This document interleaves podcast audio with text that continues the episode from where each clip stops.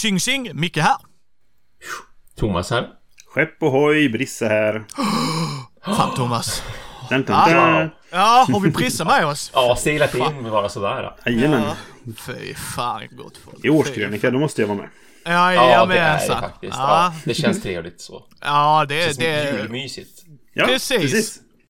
Detta är ju Mindis och lite Vems tur är det tycker jag ändå och mellan turernas årskrönika. Ja, jo, det kan man väl nästan säga eftersom jag är med. Vi, vi kommer ha ett avsnitt som är där vi sammanfattar året och sådär. Men Mm.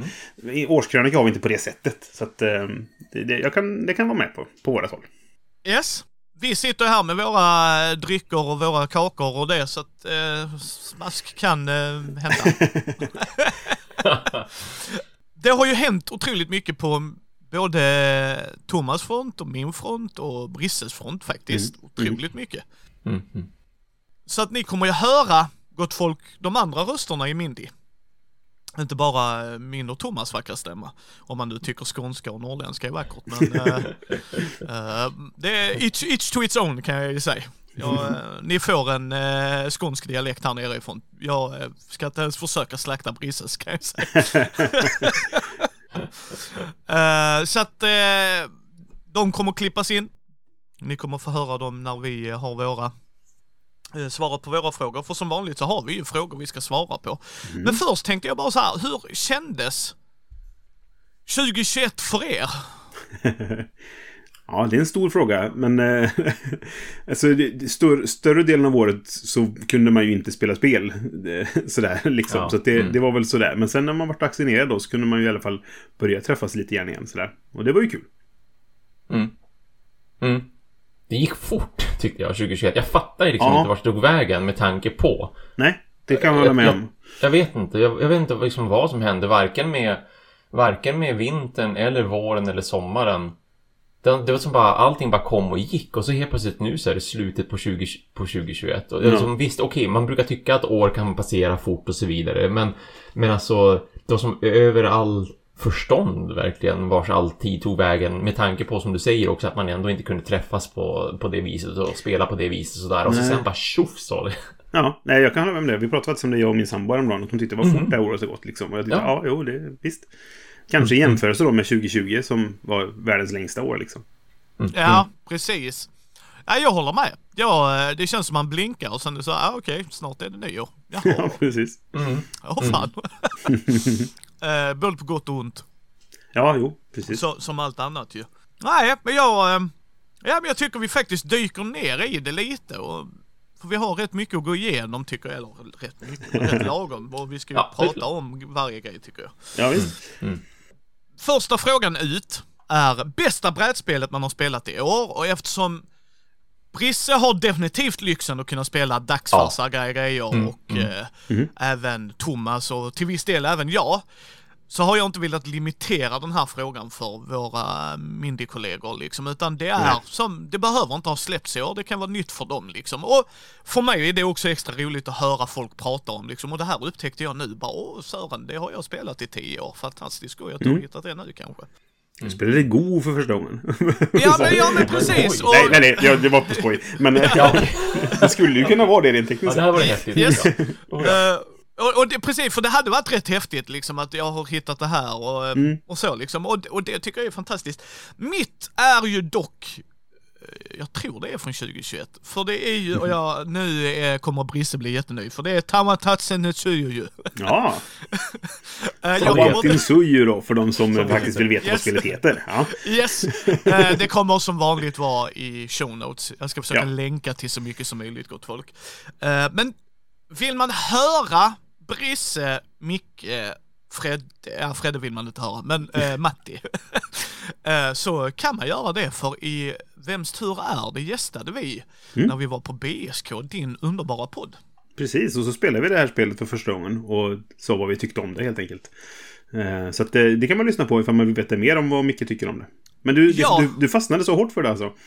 Ja, men Brisse, du, du sa ju det, det här kommer nog Fredde och Micke gilla. Mm. Ja, det och, eh, det, spoiler alert, det gjorde vi. Ja. Både- och att Fredde till och med sa att det kunde vara ett av hans bästa spel. Är, Ja, det är stort. Äh, det är väldigt stort för Fredde. Ja. Så att, Eh, Med tanke på hur svårt han har att välja tandkräm kan jag säga till folk så är jag fucking amazeballs. Men, eh, nej, men för mig, jag är tung Eurogamer. Det var ett tungt Eurogame.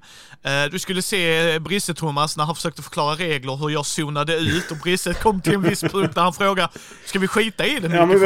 Ja, och jag så bara, och så, ja nej men så sa Matti och Fredde som spelar väldigt mycket med mig ju, Ja. så bara nej nej det är så mycket ser ut. Men sen när vi kom igång då, då såg Ja, Brisse nej, nej, det också. var ju inga problem alls. Nej. Ja. Men det, är det, jag, jag har ju inte liksom kanske haft regelförklaringar för det så många gånger så att jag, jag var såhär typ vad händer? Ja. Lite grann sådär.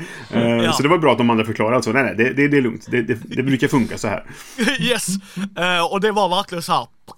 Och sen ska vi säga att vi sov väl inte optimalt, inte för att jag sov dåligt hemma hos dig, men vi var hemma Nej, rätt men vi sent, gick upp sent till- och upp tidigt. Ja, precis. Ja, Mm. eh, så att då är det också så här, nu ska du göra tunga val Micke, absolut. Om jag bara sätter mig här ett tag och sover lite.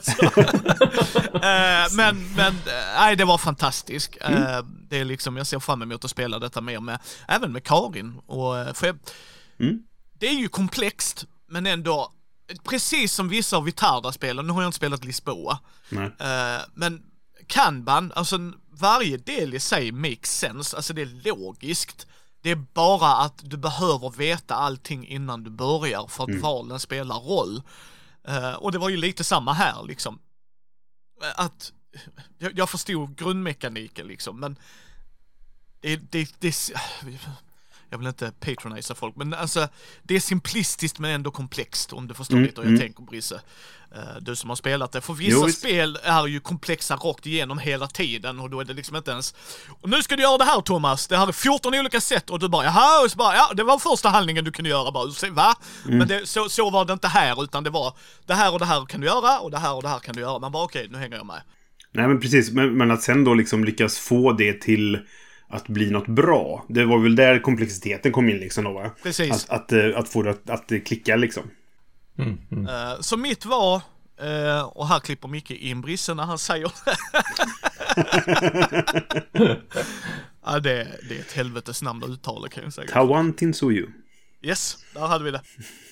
Brisse, ditt då? Mm. Jag, eh, jag har jättesvårt, för jag har två stycken egentligen som jag har skrivit ner. Och det, jag, Kör bägge. Jag tänker Samma. faktiskt göra det, för att det, det är Det lite vi. så eh, av olika anledningar. jag skulle väl kanske skulle jag ha en topplista, vilket jag hade. Jag gjorde faktiskt, jag spelade in en podd med några norrmän igår, eller i fredags. Ja, just ja. Mm. Eh, och där gick vi igenom våra topp 10 spel från året. Så att där, där hade jag faktiskt rankat dem. Men jag hade svårt att välja nu då. Så att jag, jag kommer nämna två stycken. Eh, det ena är Red Rising. Åh, Eh, minsann. Som är ju då Stone Myers eh, spel. Från, han sa ett av dem som släppts i år. Ni har Eh, gjort avsnitt, förlåt, ni har gjort avsnitt på det också va? Ja, precis. Det finns ett första intrycket Kommer avsnitt av vara i det. länken, gott folk. Kör Toppen. Ehm, och det, det, det är ju baserat på en bokserie och handlar om, om en värld där alla lever i, i eh, liksom ett sorts kastsystem då med baserat på färger. Um, själva spelet är ju baserat ganska mycket kring eller det, det bygger vidare på egentligen det här eh, Fantasy Realms. Eh, så det, det är ganska enkelt också egentligen. Du, du har en hand med kort, du spelar ett kort och så tar du ett kort och får en effekt. Det är typ det egentligen. Eh, så det är väldigt enkla regler egentligen då. Men jag har spelat det här över 60 gånger i år. Oj, Oj, helvete! sådär ja. och det, då, då måste det liksom vara med på ett ja årets ja. bästa. Eller hur, ja. Är det solo? Eh, I kombination? Har du spelat det solo mycket eller är Ja. det med andra? Det, majoriteten är solo. Men Okej. jag, har, jag har spelat med andra, eh, inte, kanske en, en, eh, en tredjedel av dem kanske är med, med folk. Eller Ja, en, ja, en ja. fjärdedel och sånt där. Men mycket är solo. För jag, jag blev besatt av det när jag precis hade fått det och vi hade spelat det. eh, Efter det första avsnittet så, så spelade jag på eh, solo säkert ett par gånger om dagen. Ja, för jag, för jag vill minnas att Johan, din poddkollega i me, mellan turerna, hade väl läst böckerna va? Ja, han läste dem i förväg. Jag läste dem under Yes. tid. Alltså, jag hade precis, Precis. börjat läsa när jag fick böckerna. Eller spelet. Ja. Ja. Ja, ja precis. Hur tycker du? För jag har spelat det och inte läst kan jag Nej, säga och nej. det var ett bra spel för mig också. Det Ja. bara att jag är tung mycket. Mm. Eh, så att jag tyckte att det funkade jättebra, schysst bilder och så. Så jag Mm. tänkte mer, du som har läst, vad fick du något mer ut utav det? Jag tycker det. Jag tycker att jag fick ut väldigt mycket av att ha läst böckerna. Och framförallt de gångerna jag spelat mot Johan då. Nu har vi spelat online liksom. Jag har spelat mot Johan. eh, Och där båda två har läst böckerna. Vi fick ju mycket så här, åh kolla nu händer detta och nu är han med henne och de här och varför har jag, varför samarbetar de här på min hand och så vidare liksom.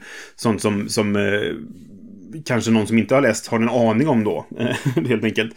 Så jag, jag tycker att jag fick ut mycket av att ha läst böckerna också. Det finns de som säger att de inte har fått det också, som har läst och, och, och spelat spelet. Men ja, jag, jag fick det i alla fall. Så att det, det måste liksom vara med. Eh, Ja. Sen tycker jag... 60 gånger för dig alla Ja, det, det är bra jobbat för mig, ja. Precis så Ja. är det. Eh, definitivt. Så att, men det kanske är på andra plats då. För jag tycker att det andra spelet jag kan nämna, tycker jag har kanske bättre speldesign. Det är, det är liksom ett snyggare designat spel. Jag har inte spelat det lika mycket och jag eh, har nog inte haft, alltså så här. Red Rising kan jag... Säger någon, vill du spela Red Rising? Ja, absolut. Det, jag, jag vill alltid spela det liksom. Det andra vill jag nog också spela, men det kanske är lite mer situationsbaserat eh, då. Och det är Furnace. Ehm, Ah, kul. som Alltså jag jag var det... så nära på att köpa det. Ja. Men så spelar vi oftast på två och jag tror inte det är bra på Nej, två. jag, jag Så har inte bra. spelat det på två faktiskt. Ska, jag- det ska jag erkänna. Men jag, jag tror du har rätt. Det, det finns ju speciella regler för två spelare, men, men jag har inte provat dem. Men jag tycker att det är en sån snygg speldesign.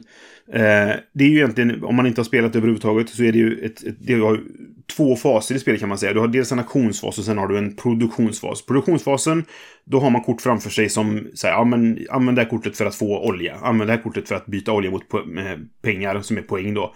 Och det är ganska basic, det är ganska standard, liksom vilket euro som helst egentligen sådär. Eh, liksom resursomvandling sådär. Eh, men a- aktionsmekaniken som är före det, det den är briljant verkligen. För du har bara de här, du har fyra diskar som är va- valörer liksom 1 till 4. Eh, när du gör ett bud så får du inte lägga samma valör som redan ligger på ett kort och du får inte lägga samma färg, det vill säga att du kan inte lägga ett bud där du själv lagt ett bud redan.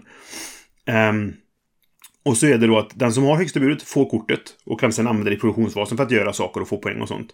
Men de som har lagt ett bud men inte får det, de får en belöning utifrån vad kortet visar då. Gånger antalet som eh, deras valör. Så att har någon lagt fyra någonstans, då kan jag lägga en tre där och få tre olja för det. Eh, och att producera tre olja, det tar ganska mycket resurser eller flera rundor liksom. Ja. Så att det kan vara, ibland vara effektivare att inte få kortet eh, och få belöningen istället. Liksom. Jag tycker det är så smart designat verkligen. Ehm, så att jag, jag, jag tycker, ska man se så här, vilket är det bäst designade spelet i år? Då är det Furnace. Men vilket har du spelat mest och haft mest roligt med? Då är det Red Rising. Och därför så fick båda två med. ja, det tycker jag. Jag kommer att fuska på flera kan jag säga. Så att, Ja, men så, så, så blev det för, för mig. Red Rising och Furnace, det är två årets, årets två bästa spel. Och nu har vi brädspelskonnässören Thomas. Mm. Vad har Ja. du gubben? Eh, jag har... Jag har också två stycken. Den ena som verkligen så här... Den, den, den värmde hjärtat på ett väldigt speciellt vis och jag blev tonåring på nytt. Men, Oj. men den andra... eh, den andra som bara var superkul eh, och ösig och så himla tematisk. Det var mest det som chockerade mig. Det är Super Skill Pinball. Ah. Har inte Eh. ens hört talas om. Det, jag är sugen på att testa det, men jag har inte, Ja. det inte blivit av. Det är alltså, det är en roll and write som då Ah! simulerar uh, Oh, förlåt mig. Förlåt. Är det han... Eh, han som gjorde det till Dice Tower? Han gjorde väl... Var det han? Jeff Engelstein är det som är Ja, Jeff, är det Jeff Engelsken som har gjort det, Thomas? Det är det ja, precis. Ja, Yes. sorry. Ja, då vet jag vilket det är, men då har Ja, jag inte spelat. Okej, vad ska... Ett, Ja. Alltså, där hör du Matti. Vi har ett spel vi ska jaga ifatt. Roll Ja, det här måste ni faktiskt Ja, jag, jag, jag har varit sugen på länge, för jag älskar flipper och Ja, men samma. som jag har Samma, hört ja. så ska det vara ganska bra, alltså simulera Ja. ganska väl. Stimulerar jätteväl. Ja, ja men det, det, det är just temat som verkligen, alltså det var över all förväntan. Jag köpte det ju mycket bara för att jag tyckte att Mm. det var ett kul tema. Och sen för all del, visst jag hade redan kollat på en recension också. Jag tror att det var, jag tror det var rent av ehm, eh, Shut Up and Sit Down. De gjorde någon video för redan för typ så här ett och ett halvt år sedan eller någonting. Alltså det är Ja, ganska det. gammalt sedan det släpptes första gången. Det släpptes under 2020 vill jag minnas första gången. Det kan nog stämma, ja. Eh, och då såg jag en video med dem där de, jag, jag tror att de gjorde no- några spel, korta snabba spel så här.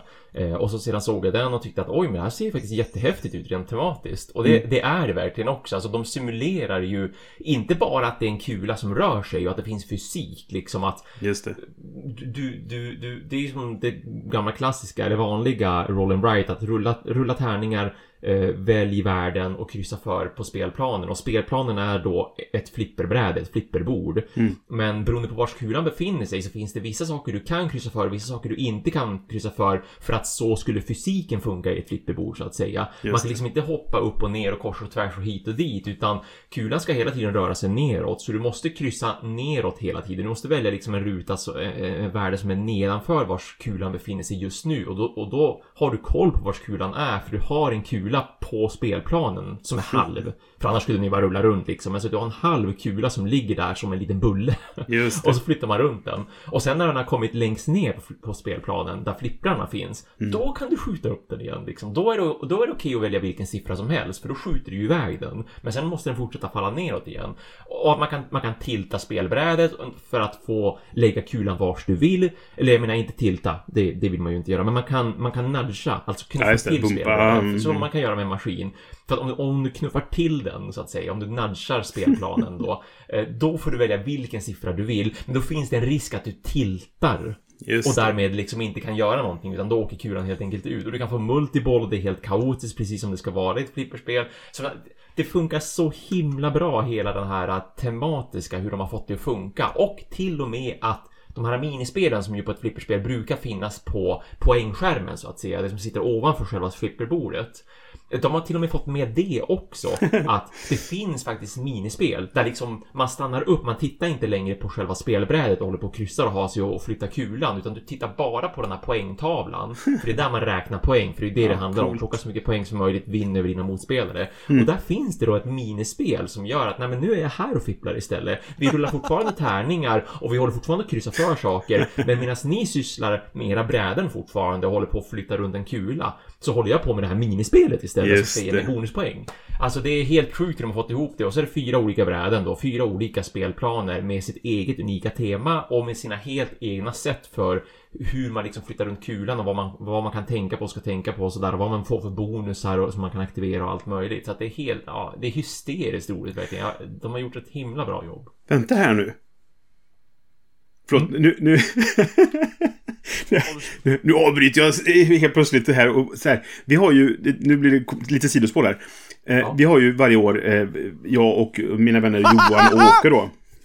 Mm. Eh, en, en julklappsgrej grej där vi byter spel med varandra. Vi skickar spel vidare så här, och så slår vi in Ja. dem så ska man gissa vad det är. Genom att man slår, har fyra paket, eller 24 paket. Och så öppnar man ett om dagen ska man se. Och nu vet jag att Åke har gett två spel till mig. Ett har jag gissat rätt på redan.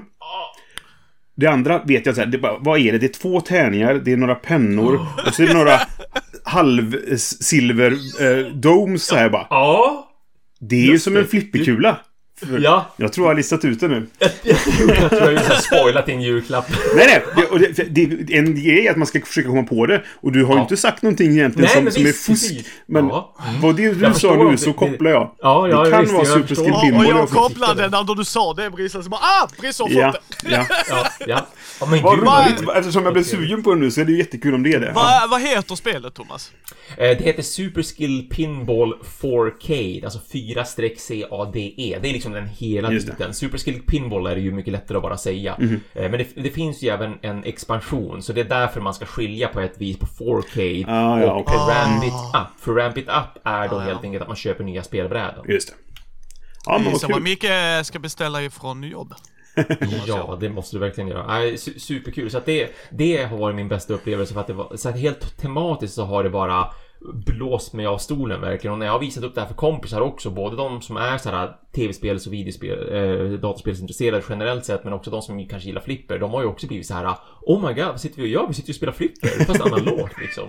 Ja, fan vad Eh, roligt. Så ja, Eh, sen, sen måste jag ändå nämna också, jag kommer att göra det fler gånger eh, dessutom när vi sitter och pratar här ikväll, att det som liksom ändå för hjärtat har värmt mig väldigt mycket, det är ju ett spel som inte har släppts och det var att jag fick en Kickstarter-prototyp på League of Dungeoneers Just som är svenskutvecklat av en kille här i, i, i Umeå kommun, eh, Mikael Lundstedt.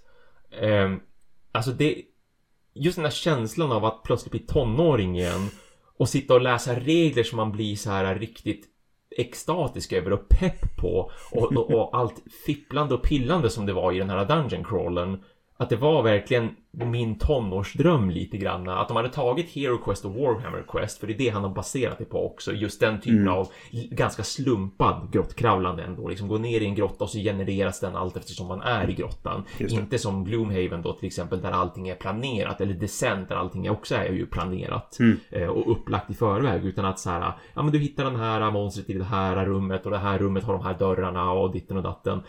Men bara den stora skalan som League of Dungeoneers istället har just med det här jättedjupa karaktärssystemet och att jag kände mig så fri som spelare för det var det jag saknade lite grann i Warhammer Quest och, och själv ville ge mina spelare när jag spelade det för jag, spel, jag spelade Warhammer Quest mm.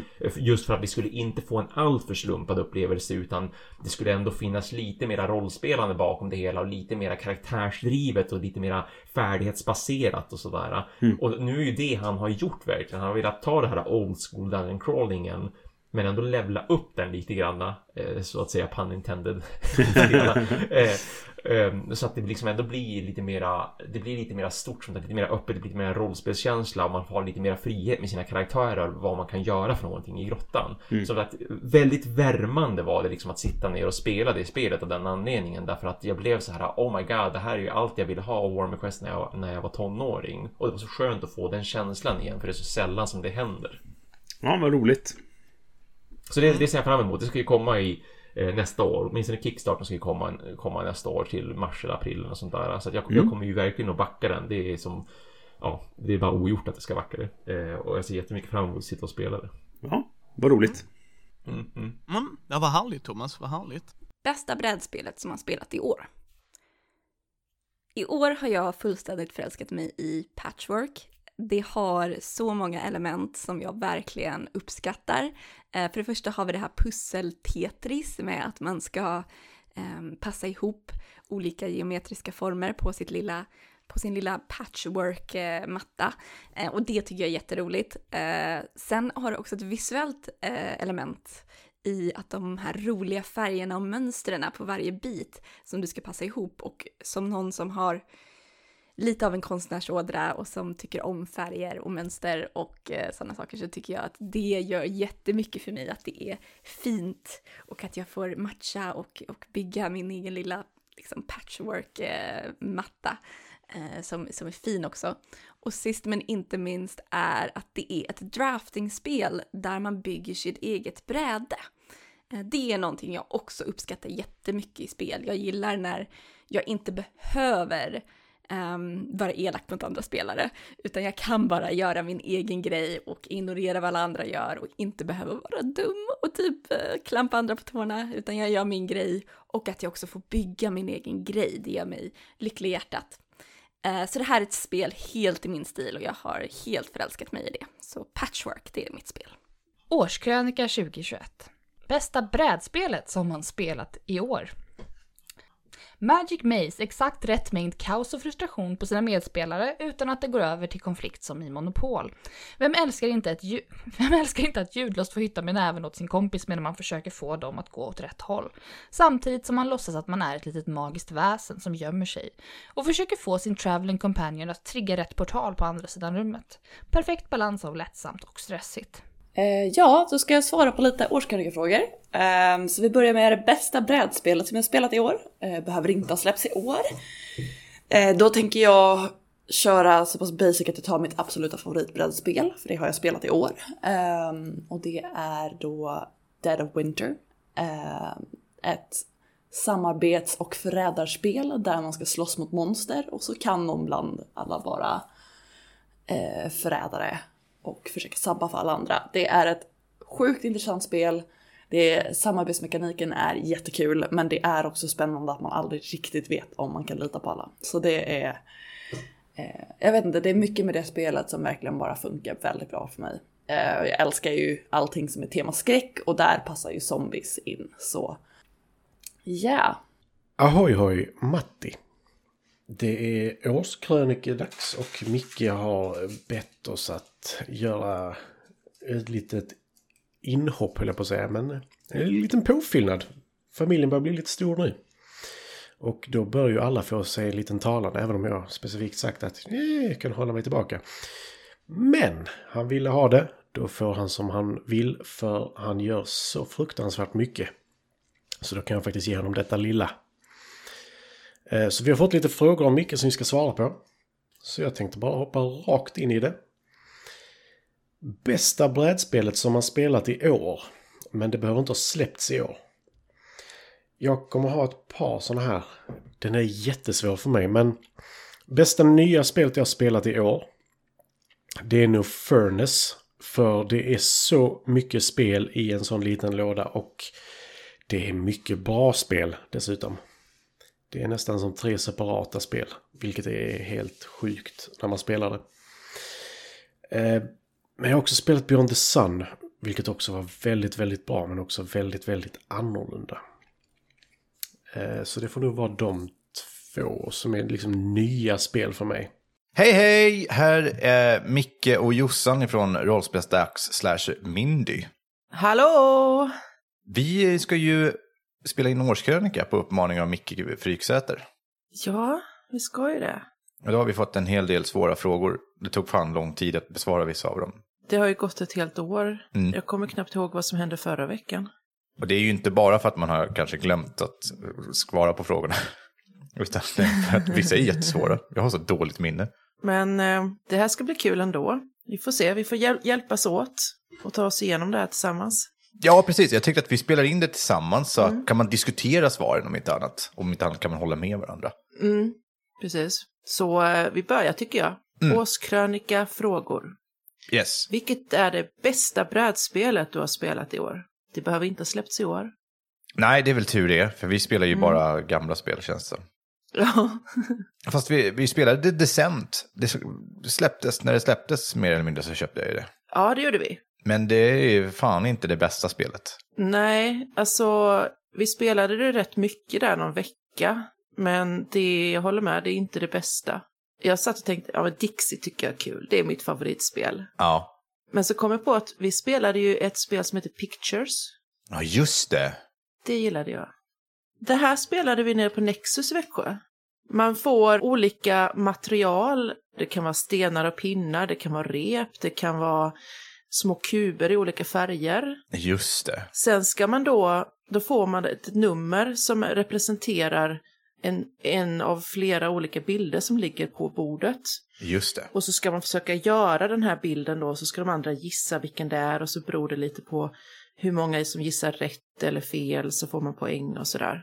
Precis. Ja, det var väldigt roligt. Ja, det var svårt. Jättesvårt ibland. Man var verkligen tvungen att vara, tänka utanför boxen när man fick, till exempel när vi fick de här snörarna. Två stycken snören och så skulle man försöka eller skapa en sjö med ett träd eller någonting. Det var så här, Ja, hur? skitsvårt. Men det var väldigt roligt. ja, jag gillar det. Så det, det eller Dixit är mitt favorit i år. Det är ju lite som Dixit. Att man får Ja. poäng om man lyckas gissa rätt. Och eh, gissar alla rätt eller någonting så får man poäng och sådär. Det, var, Ja. det påminner lite grann om Dixit regelmässigt. Man påverkas av vilka man spelar med och man får verkligen försöka tänka sig in i den personens hjärna och i sin egen och sådär. Jag tycker det är jättekul. Ja. Vad har du för favorit i år då? Jag tror att jag bara skrev eh, blueprints. Ja, den var bra också.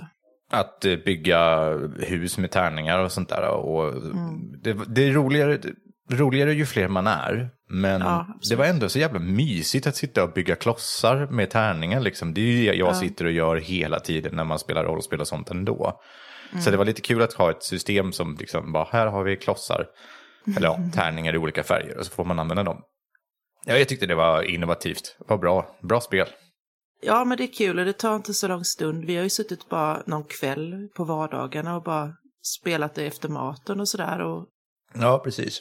Småpratat och trevligt sådär. Då har vi nästa fråga här och eh, tack alla eh, Mindy-familjen som svarade på den här frågan också. Mm. Bästa rollspelet som man har spelat i år behöver inte såklart eh, släppts i år och det kan vara återkommande för Thomas till exempel om det är så han känner liksom. Så är det ju. Eh, men Micke spelar ju rollspel och jag vill ha med frågan om vi har Mindy-familjemedlemmar som gör andra rollspelspoddar och sådana grejer så jag tycker fortfarande frågan är relevant. Absolut. Och eh, första fusket för mig nu är, Eh, första säger jag, det kommer fler plus kan jag säga gott folk. Är två eh, rollspel och bägge indie-rollspel. Oh. Eh, för jag har inte spelat de traditionella som jag har sett fram emot. Eh, för att Gothams räddning har tagit väldigt mycket tid. Just det, såklart. Ja, just det. Eh, vilket är positivt på många sätt och vis, så det är inte så att jag gnäller, men då är det de här eh, palettrensarna som jag brukar kalla eh, dessa grejerna. För att de är så här ensittning och det. Mm. Eh, det ena är svenskt förlag, det är Blood Feud ifrån Bläckfisk förlag. Just det. Det handlar om toxic maskulinitet. Vill man höra hur spelet fungerar, och det kommer komma en video när jag väl har börjat göra dem också och börja släppa dem. Men jag har läst det och har skrivit manus för det, så en video kommer komma på detta. Eh, det är inte för alla. Det handlar om toxic maskulinitet, man spelar under vikingatiden och det handlar liksom om att visa om hur skadligt det är mer eller mindre. Man ska ha ett samtal om det. Det är inte för alla, jag skulle inte spela det med alla, men jag hade turen att eh, Peter ifrån Bläckfisk förlag spelade med mig och Kristoffer Hermansson. Shoutout till dig Kristoffer. Eh, och det var sjukt intressant, för jag älskar, som Thomas och Brisse vet, jag älskar att bli utmanad. Mm. Eh, det gör jag alltid, även i brädspel, rollspel och livet i allmänhet. att så länge det är liksom på en rimlig nivå, det behöver inte steamrolla mig, men, men det här var så intressant för att Dels fick de otroligt mycket skit av vissa som bara, ja men det här behövs ju inte, det här bla bla bla, ni är kvinnor. Så bara riktigt så bara, mm, ni, verkligen, verkligen, ni säljer det bara ännu mer vad det behövs. Eh, så att, eh, det är fantastiskt. Mm. Det är för vad det gör, och det är inte för alla, men för mig var det verkligen så här.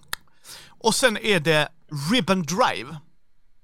Och Det har du nämnt, men jag kommer inte ihåg vad det är riktigt. nej, eh, folk som känner mig väl vet att Micke älskar musik. Jag Just är, det. Mm. Yes. Just det. Jag är sjukt dålig på att sjunga. Ehm, jag kan inte hålla en ton för att rädda mitt liv, men eh, till min frus förtret sjunger jag ändå, kan jag säga. Det är bra. Yes, eh, och men jag går verkligen rundor och nynnar varje dag och eh, alltså verkligen sådär. Sjung hellre än bra. Det är, det är en sån devis Yes. som jag lever efter också. Precis, och, eh, och jag älskar att inkorporera musik så mycket möjligt när jag spelar rollspel och sådana grejer. Det här eh, fick jag spela med Micke och Jossan i Mindy-familjen, men de är också från rollspelsdags. Så känner ni igen de namnen där så är det, det stämmer. Eh, och det är nämligen att man ska göra en roadtrip. Det är ett no prep rollspel. Nej, low prep skulle jag till och med säga, för att du ska göra en spellista nämligen.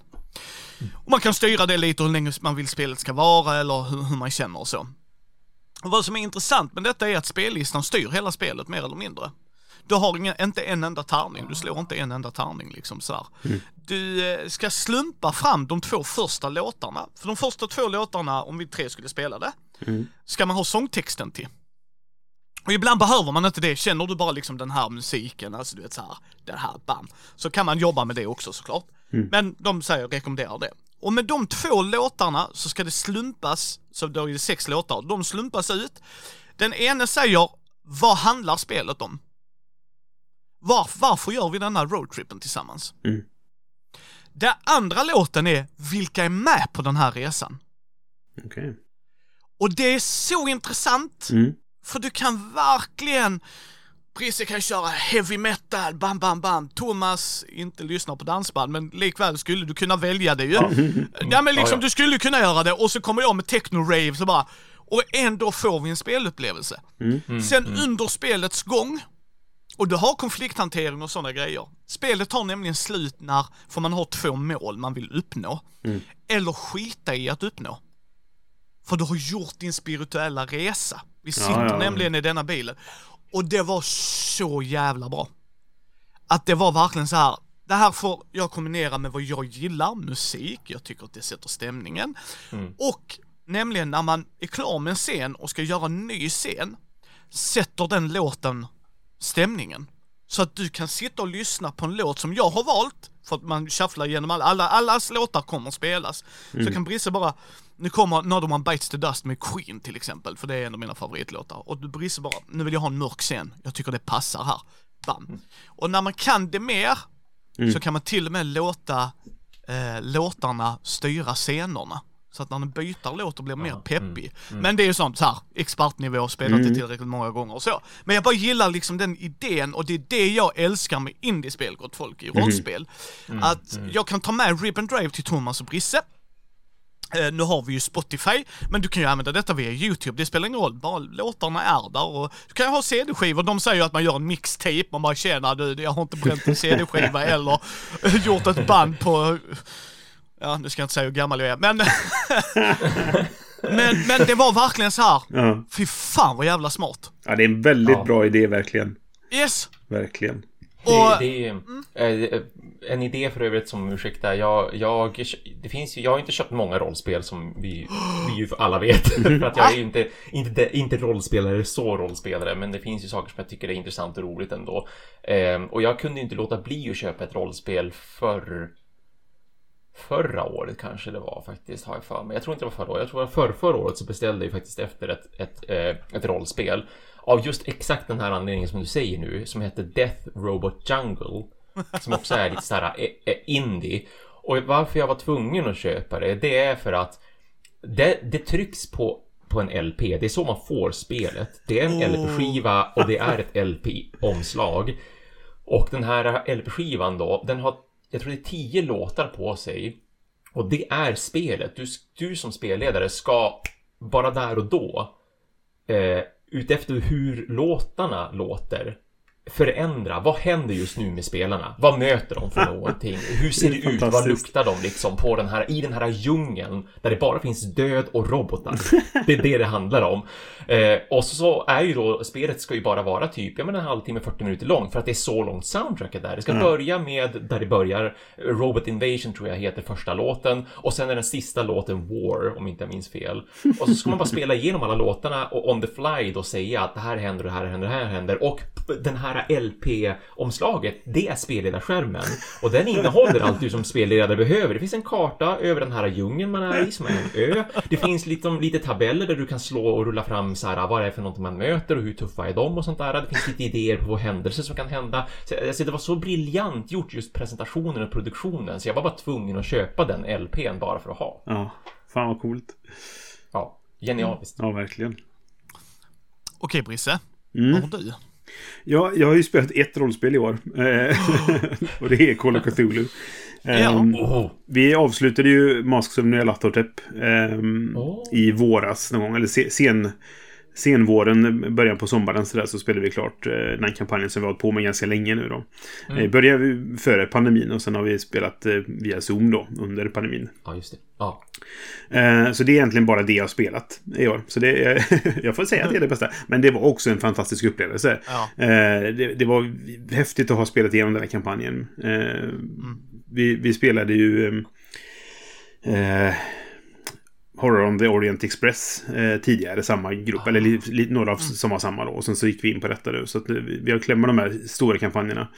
Eh, och det var väldigt kul. Ja, vi- började spela också, jag och några andra nu då, spelade i eh, Beyond the Mountains of Madness. Men vi har bara börjat lite grann där och inte kommit så långt. Och sen har det, nu ligger det lite på is där. Men eh, förhoppningsvis fortsätter vi där också någon, någon, någon gång. Så.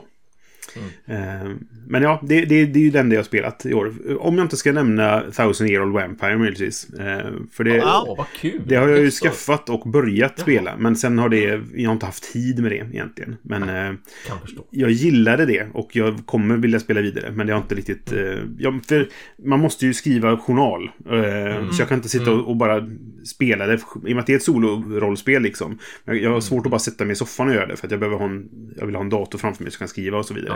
Eh, och då blir det liksom... Ja, då blir det lätt att man gör annat istället. Ja, Ja. Men jag gillade det med Thousand Year Vampire också. Ja, jag Ja. också jättemycket. Jag känner, jag har en polare som har spelat igenom det, som har skrivit en journal, Mm. liksom så att säga. Spelat igenom det och han, han sa också att det här var en jätte, jätterolig upplevelse. Är man nyfiken på det spelet kan jag nämna eh, för övrigt också. Det finns en eh, podcast som heter Five Games for Doomsday. Som Ben Maddox gör. Eh, den är på engelska då. Men han gjorde en playthrough på detta där han spelar. Och han är ju fantastisk storberättare och, och liksom, han är ju skådespelare. Och sådär. Så att han, han, eh, han sitter och tjabbar och liksom typ så här när han läser och, och är rolig liksom så. Och sen bara, okej, eh, nu ska jag gå och skriva liksom så här. Och sen har han en superbra, där han läser som en monolog liksom så. Jättebra gjort verkligen så. Eh, och visar väldigt bra hur det spelet ska kunna, eller hur det funkar liksom när man spelar det. Ja. Så att Five Ja. Games for Doomsday kan man kolla på. Nice. Eh, Så finns det, jag tror det är 11 eller 12 delar. Något sånt. Var ditt rollspel det du pratade om där Thomas? Eller har Nej, men det var eh, faktiskt, för jag har ju inte spelat det ännu. Ah. Sen var det kul att få nämna det igen. Yes. Jag, tror, jag tror att jag slank in det faktiskt när jag, när jag hade köpt det. Att när vi gjorde en Mindy News så jag bara oh my god det här. Ehm, men eh, det enda jag har spelat under 2021 det är ju Coriolis som jag ju, vi Just det. påbörjade ju det en grupp under strax innan Eh, 2020, typ i slutet på 2019 tror jag det var. Då satte sig ju jag och några goda vänner. Jag blev inbjuden till Coriolis. De bara, vi måste få ha med dig. Det skulle vara så himla kul att spela med dig. Så att jag bara, okej, ja visst, jag, jag rollspelar ju som inte så himla mycket vanligtvis, men såklart när det är goda vänners sällskap och sådär, vore ju det jätteroligt bara. Ehm, och, och det som hände under det här året, det var ju att vi växte med två personer, för vad vi fick veta under 2020 där i början innan hela den här pandemin slog till och vi inte kunde träffas träffas på riktigt. Det var ju att det visade sig att våran spelledare han, eh, han hade startat, hans, en av hans kompisar, eller gemensam kompis, han, de hade startat upp en till koreolisk grupp på en annan ort. Och våra system, eller våran, våran, vad ska man kalla det för? Vår Värld. tid liksom. Ja, men den synkade med varandra. Det vi gjorde som vår grupp, det var på nyheterna för den här andra gruppen. Ja, sånt gillar jag. Sånt är grymt. Så, här, meta, så att, som inte vi visste om, det var ju helt fantastiskt när vi fick veta det. Och anledningen till varför vi fick veta det, varför han liksom, inom citationstecken spoilade det, det var ju därför att den gruppen, det blev mindre och mindre spelande på grund av att en äh, spelledare för den gruppen höll på att flytta och liksom hamnade på en helt annan ort och så sedan så var det lite svårt så här då såklart att både träffas men även att göra det via zoom eller annat så att det var så mindre och mindre tid för dem. Så det som hände i slutändan där, det var att han mergade ihop de två spelarna, för de var bara tre i den gruppen. Vi är ju fem stycken i, i min grupp, fyra spelare och en spelledare. Så att där var det bara en spelare och två spelare. Och de två spelarna hoppade då in i vårat game istället. För nu har ju vi ändå suttit och gjort det här, vi också via nätet såklart, i och med hur det har varit på senaste. Eh, Och då var det ju så enkelt för dem att bara komma liksom och joina oss. Så att vi hade som en presentation där av deras karaktärer eh, utan att ha någon koll på vad är deras exakta bakgrund. För det har ju, det har ju vi som satt där och skapade våra karaktärer och pratade om vem är den här och varför är den här och vad har vi för relation sen tidigare och vad försöker vi hålla hemifrån varandra och sådana saker. Det finns ju jättemycket internt i våran grupp. Men de här kom verkligen bara in och skulle verkligen vara mystiska karaktärer som vi inte visste så mycket om. Och speciellt en av dem som då var någon slags eh, lite grann inom adeln verkar vara någon sån här högt politiskt uppsatt snubbe som hade väldigt välkända föräldrar och hade en fin bakgrund och alltihopa. Men ju mer vi har spelat med honom desto mer verkar det som att han är lite av ett svartfår och en pajas. Som liksom bara bättre på att bara ljuga och tramsa än han är på att faktiskt ta några vettiga beslut och att han har som ingen makt egentligen utan all makt tillhör resten av familjen men han är lite utkastad nästan verkar det som. Så det har varit jättekul av den anledningen att ha de två som har kommit in för de har tillfört väldigt mycket med sina karaktärer och just den här roliga mystiken ändå kring att vad, de, vad har de råkat ut för då med den här andra gruppen som ändå spelade parallellt i vårat universum så att Just säga. det. Ja. Coolt. Mm, ja, härligt, härligt, härligt. Bästa rollspelet som man spelat i år. I år har jag spelat för det mesta eh, homebrews, eh, ofärdiga system som inte publicerats, eh, speltester, eh, mycket sådana saker. Så jag vet inte om jag har något ordentligt rollspel som, som jag kan peka på som har stått ut för mig. Ehm, det enda jag kan egentligen tala om tror jag är att jag har spelat Geist the Sin Eaters med min World of Darkness-grupp. Um, och jag antar att det blir bästa rollspelet by default, fast egentligen så tyckte jag att både Changeling och Werewolf var mycket roligare än Geist the Sin Eaters, men um, ja, uh, jag, tror, jag tror att det är det som jag egentligen kan tycka att jag verkligen tyckte om att spela i systemet um, på så sätt, in, inte bara för att det var en rolig grupp utan för att jag faktiskt tyckte om systemet också. Så jag antar Geist, I guess, I don't know. Bästa rollspelet som har spelat i år, som inte behöver släppts i år. Eh, ett hemligt ett, där jag får testspela ett rollspel. Eh, som inte är färdigt än. Men där jag har fått spela en liten himbohäxa och han är min bästa karaktär för i år. Det finns massa underbara saker med den kampanjen men får som sagt inte del i något. Bästa rollspelet som jag har spelat i år? Eh, ja, alltså där tänker jag fuska lite grann. För vi, har inte, vi har inte kommit så långt än. Men eh, Changeling är ett riktigt, riktigt bra rollspel. Jag har inte spelat så mycket olika rollspel i år. Jag har mest spelat homebrews. Så att jag känner att eh, det blir, jag landar i Changeling. Ehm, jag tycker om deras eh, system. Och jag tycker om hur deras eh, eh, deras värld, uppbyggnaden, alltså Changeling the Lost då, inte Changeling the Dreaming är det jag har spelat. Ehm. Bästa rollspelet som man spelat i år behöver inte ha blivit släppt i år inom parentes här. Jag spelar inte jättemycket rollspel. Eh, måste jag erkänna. Men eh, jag spelade faktiskt in ett äventyr i Call of Cthulhu. Eh, med Micke som finns på kanalen. Om ni letar upp det någonstans om ni vill lyssna på det. Eh, och jag gillade verkligen systemet i det. Det här eh, 100% och sen uppdelat i eh, vad heter det, tredjedelar i hur det går för dig. Det, det gillar jag verkligen. Eh, och jag gillar ju faktiskt H.P. Lovecrafts värld. Jag tycker det, det är en bra tidsepok att sätta saker i som gör det spännande. Inte bara för att det är fantastiska väsen vars eh, drömmar dödar och skapar nya världar. Så utom det så tycker jag faktiskt om den världen också. Bästa rollspelet som man spelat i år behöver inte ha släppts i år. Där har jag också två stycken. Har du två? Börjar du då. Det är Skrömt och Ribbon Drive. Okej. Grömt är ju ett eh, svenskt skräckspel där man fokuserar väldigt mycket på, på karaktärens inre. Ribbon Drive är ett litet indiespel där man ska spela ett gäng som är ute på en roadtrip.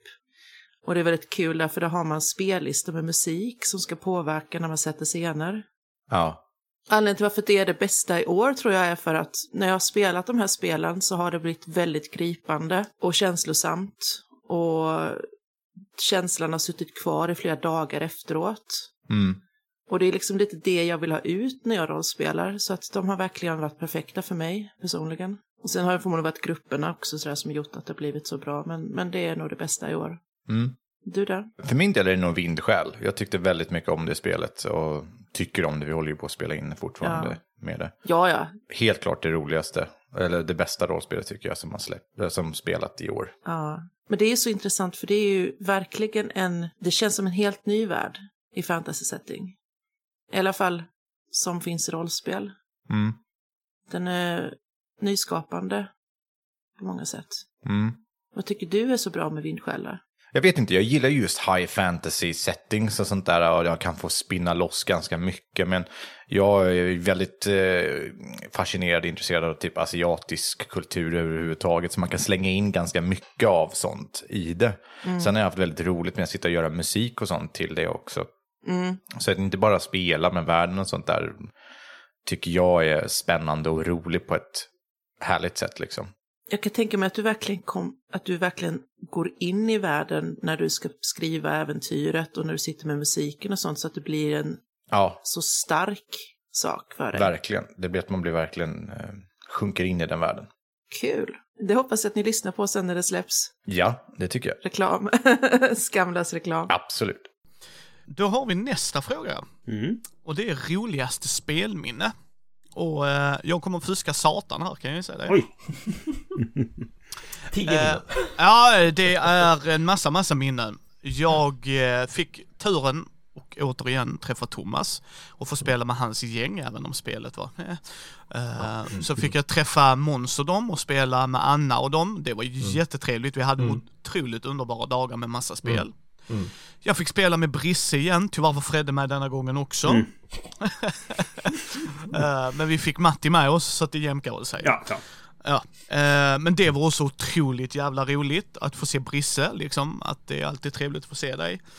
Eh, jag fick spela Ribbon Drive med Micke och Jossan, jag var och hälsade på dem i Växjö. Det var otroligt jävla mysig helg, var där hela helgen, bara umgicks med dem. Eh, jag fick spela med Svartviken på Borås spelkonvent, det var Just väldigt det. stort för mig som person. Eh, jag fick träffa Heidi och Amanda live och spela in Gothams räddning i en sittning där som blev några avsnitt. Och det är egentligen det, alla de möten jag har haft IRL eh, är de största minnena för mig. För att Mm. framförallt efter 2020 så blev det bara en sån extra, liksom, sen älskar jag alltid att träffa folk, det vet ni, men, Mm. men det var liksom så här, nu får jag träffa Brisse och spela Furnace, eh, massa småspel som vi spelade och eh, det polska Ja. Letisco. Mm. Yes, och det var liksom jättetrevligt och jättekul. Jag fick Mm. spela med Moa, Anna och Kri- Kristoffer liksom. Jag, ehm, Så att det är mina största spelminnen, det är att sitta med mina vänner och spela spel. Som jag inte har turen att kunna träffa varje dag. Eh, eller varje vecka, liksom easy access liksom. Thomas bor 120 mil ifrån mig, Brisse bor 22, Amanda, Heidi, Maja och de bor 60 mil ifrån mig. Eh, 23 mil har jag väl till Växjö ungefär härifrån liksom. Så att Matti träffar jag jätteofta, jag älskar att träffa honom också liksom. Det är inget snack om det, men vi har ju den easy access att vi kan umgås. Och då blir det lite extra krydda för mig att bara, nu får jag träffa mina vänner och sitta i samma rum. Mm. Jag har jättelätt att spela via Zoom och det, det måste jag säga, det är en grej som har överraskat mig väldigt mycket med, med pandemiåren och det är att Zoom och alla, alla andra, det behöver inte bara vara Zoom, men liksom det kamera och kunna sitta och se varandra så att Brisse och jag har kunnat spela rollspel ihop. Eh, och det har funkat jättebra tycker jag, liksom att så, men jag ser Brisse och jag kan interagera med honom och visst vi sitter inte tillsammans, men när man vi får sitta i samma rum Ja. och putta mina träkuber och flytta mina, alltså då är det en sån stor känsla. Mm. Så att mina bästa spelminnen är alla trevliga människor jag får träffa. Fint. Mm. Och jag, jag kan väl bara spinna vidare då på samma eh, grej egentligen. Det jag skrivit ner i, i min lilla eh, anteckning här, det är ju Brå spelkonvent. Eh, där jag som sagt, jag fick eh, träffa dig och, och Matti och spela och ja, Fredde var där också.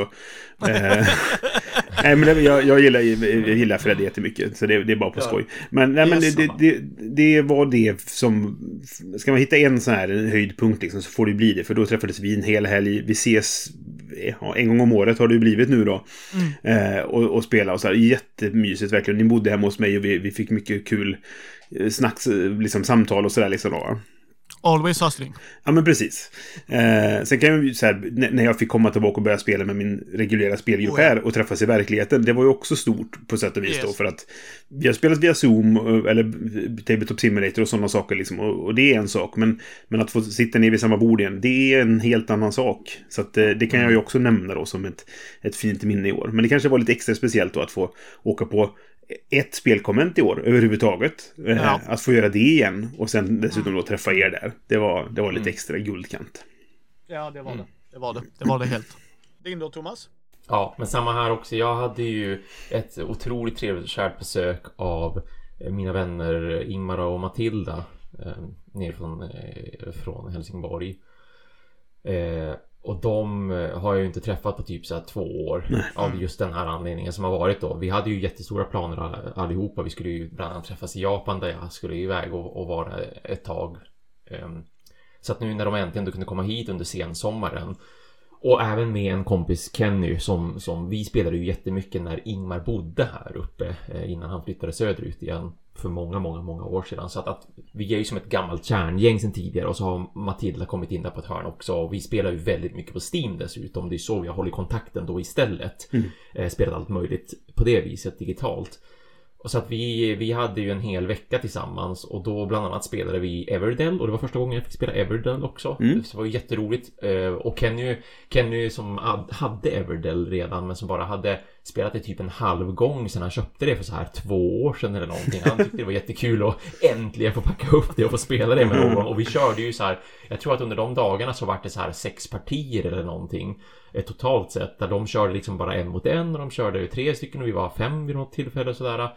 Plus att vi gjorde ju massa andra saker också utöver att spela de spelen som vi spelade så bland annat var vi och paddlade kanot också en av dagarna och hade en jättehärlig dag ute på, ute på en av eh, älvarna här i, i området i kommunen.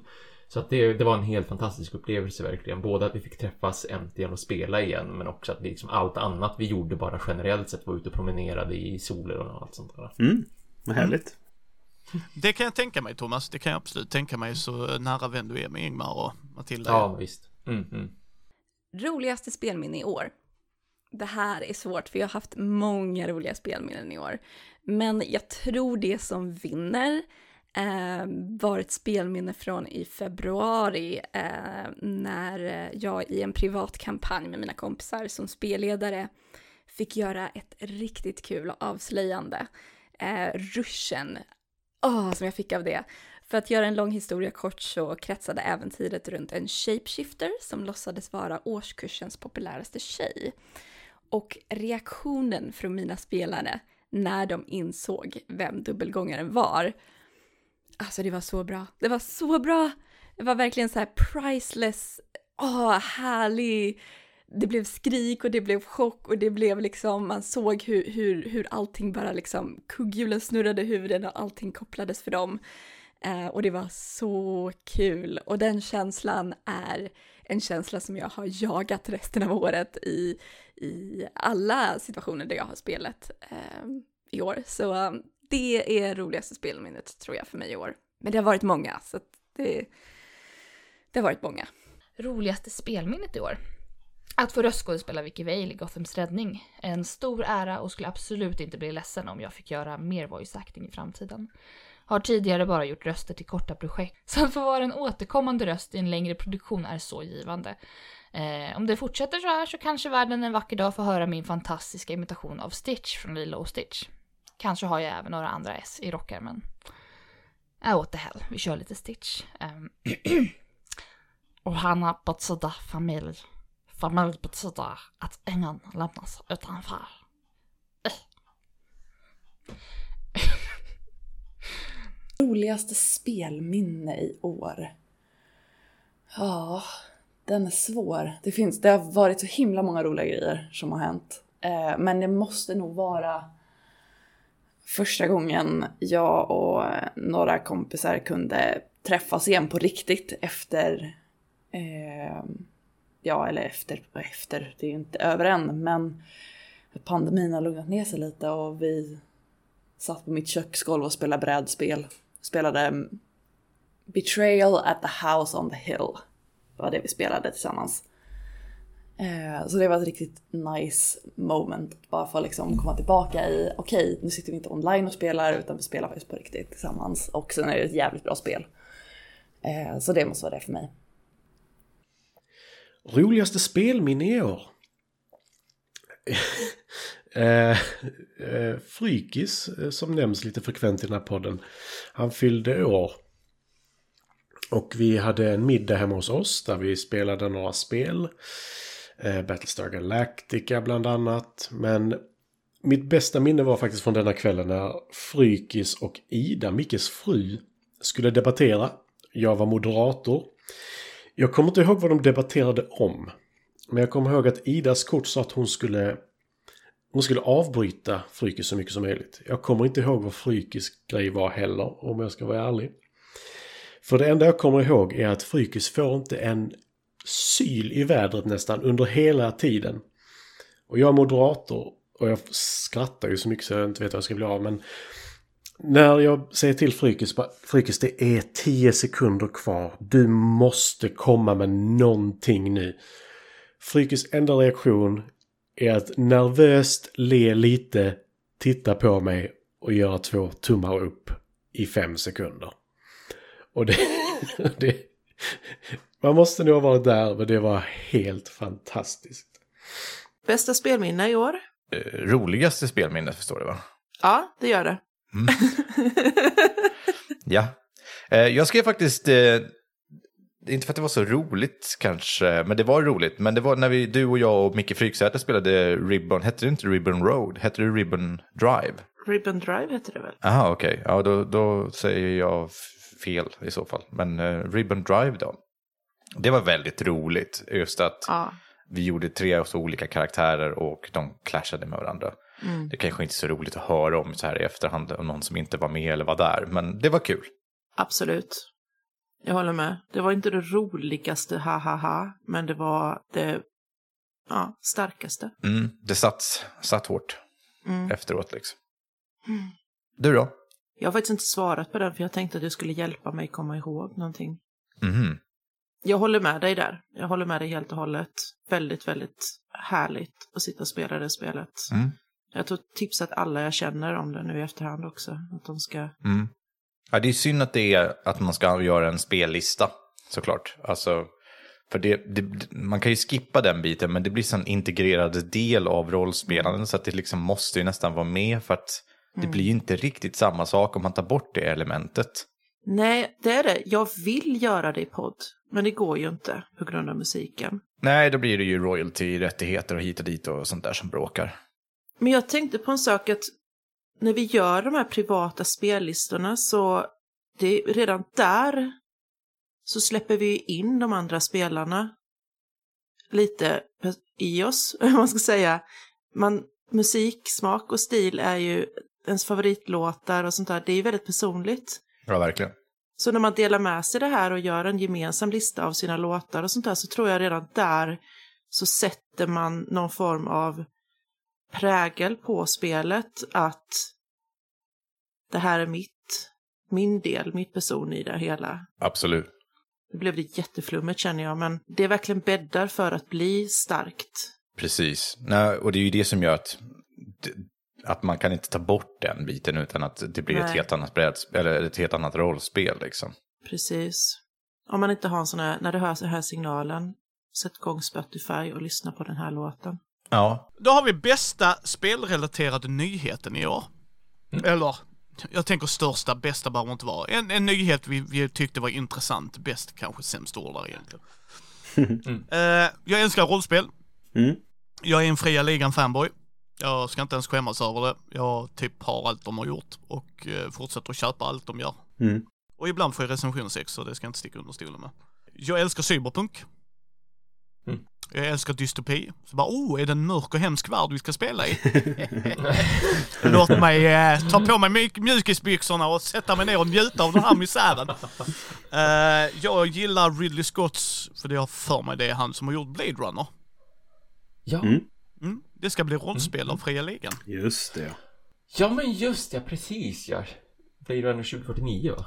Eh, det, jag får Tänker se. jag. Ja, beroende Ja. på var som nu sätter Ja, det ja, jag får cyberpunkvärld, I don't give a Ja. shit. Du kan Nej, kalla men det vad du vill. Ja. Mm, mm. Ehm, för mig var det verkligen en överraskning. Alltså det var verkligen, Ja. jag hade inte läst någonting, det var inga så här bubblor som kom Nej, ut, utan nej. de bara nu, bam! Och jag bara what the actual fudge, säger du? Ska jag få spela i Blade Runner-världen och sånt? Man bara två filmer man kan se bara för stämning. Jag tycker Ja, inte den ja, nya Blade. Runner-filmen kanske är superduper fantastic awesome bra, men jävlar vilken stämning du får för Ja. en misär värld alltså. Bara, Visst, visst, verkligen. Ja, ja. Det är ju som Matti och jag och Lotta. Vi tittar ju om alla Batman-filmer. Just det. Jag kan ju säga att Tim Burton har ju satt estetiken och sen så behöver vi inte säga mer där. Nej, nej, lite så är det ju. Eh, och, och det är samma där, så när jag såg Blade Runner som bara, bara det är år 0-motor. Visst. Ja, jag har inga problem med år 0-motorn. Jag tycker den funkar bra för vad den gör. Mm, mm. Så att... Mm. Eh, så det var min. Så här, intressantaste nyhet för i år. Ja, jag har inte direkt någon nyhet. Jag, inte, jag kommer inte på något bra att, att nämna. Vi pratade ju lite grann före vi började spela in det här och, om, om eventuellt det här Embracers köp då av Asmodee. Eh, jag vet inte om det är klart. Eh, alltså påskrivna papper och sådana saker. Men det är ju en ganska stor nyhet i och med att Asmodee ändå är liksom den största spel, brädspelsföretaget i världen. Liksom. Så är det en ganska stor grej att de blir uppköpta igen nu då. Ja. Ehm, sådär. Av ett svenskt bolag. Ja, och det, är- det är ju lite skoj att det är svenskt sådär. Sen spelar det väl ingen, väl ingen större roll i slutändan vilket land ägaren kommer ifrån. Sådär då. Men, men eh, det är ändå en ganska stor nyhet att de blir så. Men det har ju hänt några gånger. Det är ju tredje gången nu då sen, sen de... ehm, som de blir köpta av olika investmentbolag om man säger så. Mm. Ja. Kan bara bli bättre. Jag tror att det här är det bästa som kommer att hända för Asmodee på länge ändå. Eh, Just därför att vad det är för företag som sagt spelar roll på var de ligger någonstans Nej. men vad de har själva för rötter och så här hur Just tänker det. de i företag de köper Ja. upp? Är det bara för att man ska få ut pengar eller är det för att man faktiskt har något intresse i det man köper upp och så här vill man vidareutveckla eller vill man bara avveckla sånt som kostar pengar och så sedan ska man bara försöka tjäna pengar som så här. Jag, jag, jag tycker bara det finns Nej, precis. saker med det här. Här kan det nog finnas ett på. intresse i vad de gör också och inte bara som en Ja. investering som det ju varit de tidigare två exakt. Så att ja, absolut. Ja, Det, det kan nog inte bli, bli värre i alla fall, det tror jag inte. Nej, jag tror inte det heller. Och eh, det är spännande. Sen Det tror jag, är- det så här, det kommer antagligen inte påverka så mycket på den lägre nivån. Alltså alla företagen som ingår i Asmodee-gruppen, om man, om man vill kalla det då, de, de är ju sina egna entiteter som styr sig själva ganska mycket.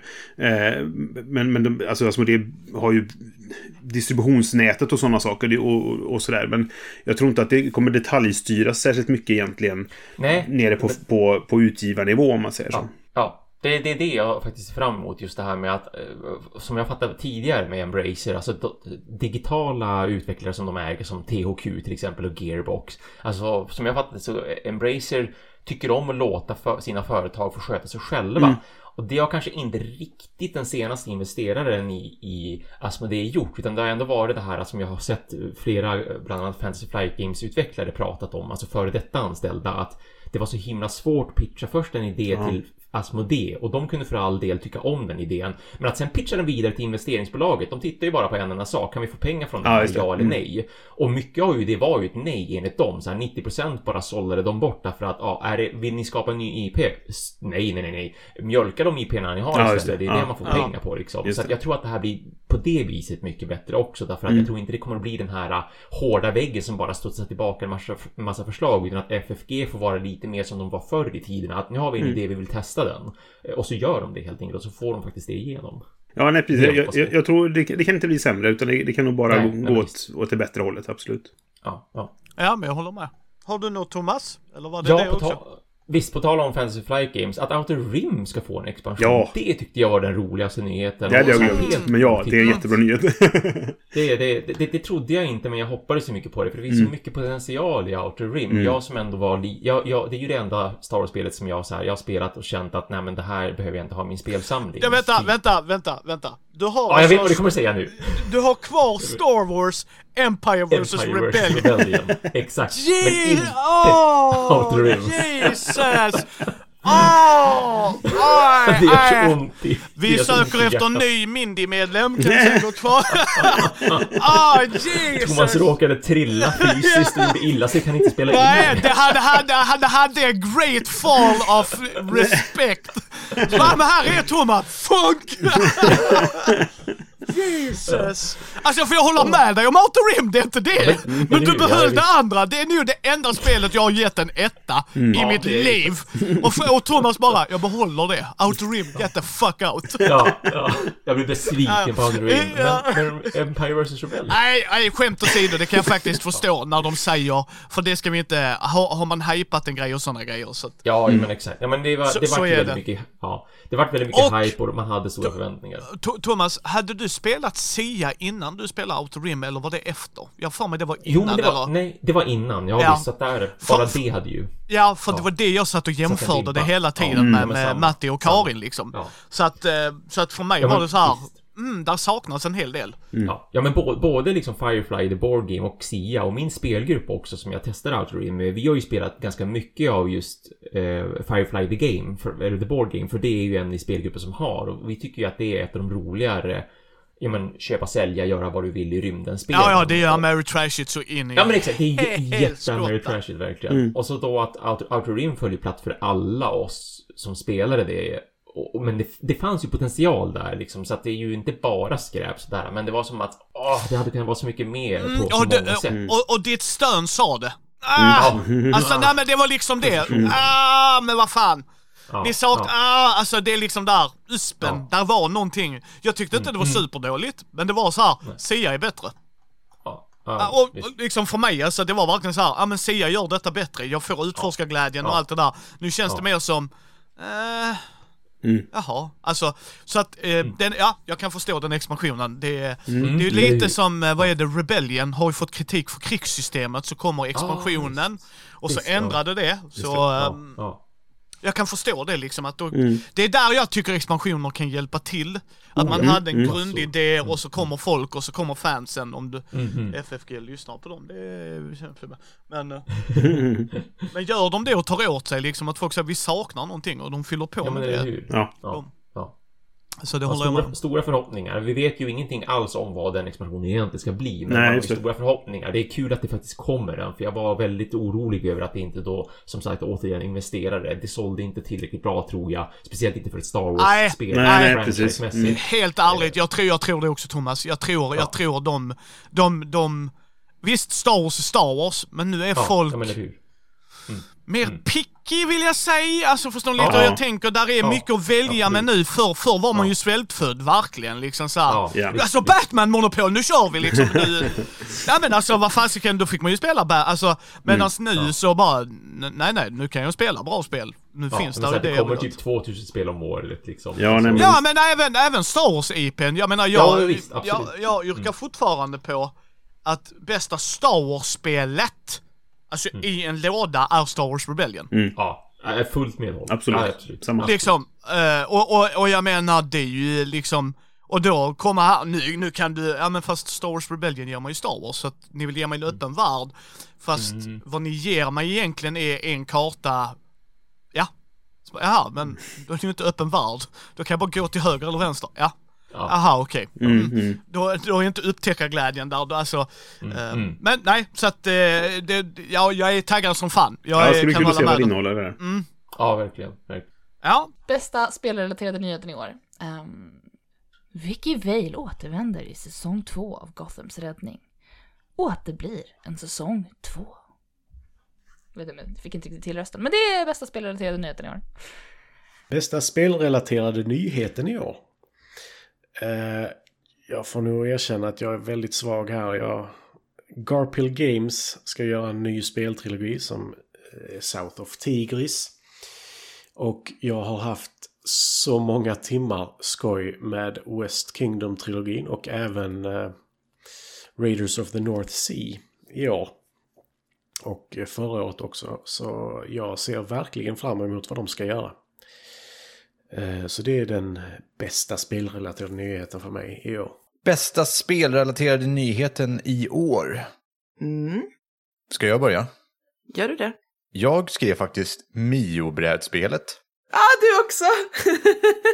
Jag tyckte att dels, alltså, dels var jag förvånad för jag hade inte hört någonting om Nej, det förrän precis. eh, Björn Flintberg berättade för oss i podden. Precis. eh, när han var gäst i Rollspelsdags att eh, han höll på att fixa med det här. Så man bara, jaha, oj, vad coolt.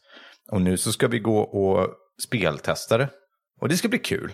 Ja, verkligen. Det var så kul när han sa det när vi skulle spela in, för vi blev ju genuint peppade. Mm. Åh, när kommer det? Kommer det till jul? Oh, vad härligt! Så, här. Mm. så det är jag väldigt taggad på att testa. Mm. Bilderna, Mio Mio, allting. Det är bara ett sånt spännande val bara. Av, av alla, Mm. vad ska man säga, Astrid Lindgren-historier så är det väl kanske den som är lite mer otippad att göra ett brädspel på. Och samtidigt inte, för det har ju nästan inte gjort någonting med Mio. Fast ja, samtidigt inte. Jag läste lite om spelet nu innan här Ja. och såg att det, det var någon recensent som pratade om att det kanske kan vara lite baserat eller inspirerat av ett gammalt Sagan om ringen-brädspel. Ja, ah, okej. Så ett koncept jobbar sig fram till den stora skurken i slutet. Ja, det gör man ju oftast, men... Ja. Och att man inte spelar Mio själv, utan man spelar dem runt omkring honom. Jag har svindålig koll på Mio min Mio-storyn, alltså om jag ska vara helt ärlig. Jag vet, kommer bara ihåg att skurken heter Riddar Kato. Och filmerna, eller filmen eh, som gjordes, den är ju, ja, eh, den har väl kanske inte åldrats med värdighet, kanske man ska säga. Även om det är coolt att, vad är det, Christopher Lee är skurken och Mhm. Batman är med. och Batman är med på ett hörn också. Kommer bara inte ihåg vad han heter nu. Så dåligt. Det är så vackert det här med barnen och fåglarna och jag vill inte spoila filmen, men den är ju som sagt ganska gammal. Ja, Eller boken heller. Nej, men den här lilla fågeln som sitter i bröstet på Riddar Kato när han, när han dör. Men det är så mycket som är så jävla mycket random. Alltså det, det är så mycket konstiga saker. Att det kommer någon gubbe och, man, och, och ska klättra in i skägget och då flyger de iväg till en annan plats. Alltså det är så jävla sjukt. Det är liksom Terry Pratchett-nivå på det ibland. Där man sitter och bara, men vad fan är det som händer för någonting? Alltså det är ju jättekonstigt. Den här gubben är väl en, en magisk ande, har jag för mig. Ja, det, kommer, det är väl någon ande någonstans och så klättra in i skägget eh, så ska vi åka härifrån. fr- från verkligheten liksom och sånt där. Och medans, alltså, jag älskar det, men det är ju också väldigt, väldigt annorlunda mot Astrid Lindgrens andra böcker som är ganska konkreta. De har oftast ett element som är lite tokigt eller konstigt. Att Karlsson på taket har en propeller på ryggen. Det är inget konstigt med det, liksom, förutom att han är konstig. Liksom. Pippi Långstrump är jättestark. Men allting annat är ju normalt. Liksom. Och så studsar det på det. Men en Mio är allting så jävla pårökt. Jag bara, här har du en sked. En magisk sked, stoppa den i munnen så blir du mätt. Mm. Jaha. Alltså, alltså, Det, det, det, det är ganska skumt, liksom. En skum historia. Ja, en av mina favoriter dock. Är det Jaha. Ja, det, var... Mm, det är det faktiskt. Den är, jag tycker om när Astrid Lindgren blir lite mörk. Mm. Och det blir hon ju ibland. Och eh, i vissa av sina böcker. Den är en ja. dem, tycker jag. Eh, jag har en annan bästa spelrelaterad nyhet. ja. Blade Runner av Fria Ligan. Va? Ska det bli ett spel? Ja, det ska bli ett rollspel. Nej, vad coolt. Kommer nästa år. Eller hur? Visste du inte det? Nej, jag hade inte hört om det. Va? Ja, det, ja, slutet av sommaren eller mitten av sommaren tror jag den nyheten kom ut. Ni får rätta mig om jag har fel. Måste jag nästan kolla upp. Så, alltså inte just nu, men Jag blev så lycklig. Den kom ut 2022 och alltså nästa år. Mm. Och jag kan knappt vänta. Känns som en svår värld att representera. Men jag, Fria Ligan är ju duktiga på att Ja. skapa och streamlina sådana här grejer. Så det, mm, det låter väldigt intressant. Jag kände så här att just Blade Runner, ja, svår värld på ett sätt. Men sen kommer det ju vara år noll-motorn och allting så att Det lär det ju vara. ja, det blir ju alltid lite problematiskt när man tar en film eller bok som är så pass stark. Alltså, vi har sett filmen, vi vet vad som händer. Nu får ni spela karaktärerna själva. Det blir lite, det är alltid svårt där. Ja, Men är det några som kan göra det så tror jag ändå att det är Fria Ligan. det tror jag. Mm. Det är väl de nyheterna som jag har i alla fall. Då har vi nästa grej här. Bästa produktionen man har gjort. Om man tror någonting annat så har man fel om det inte är Gothams räddning Nej, men det var väl ingen som blev förvånad. Ja, nej, Nej. verkligen. Shit. Gothams räddning av så många anledningar. Jag älskar Batman. I shit you not vad jag älskar Batman. Och jag har skrivit det så många gånger och jag har pratat om det så många gånger så jag säger det igen. Min barndom är inte den bästa, men de, de få vackra stunderna är med min mormor och det är att titta på Batman Animated Series. Mm.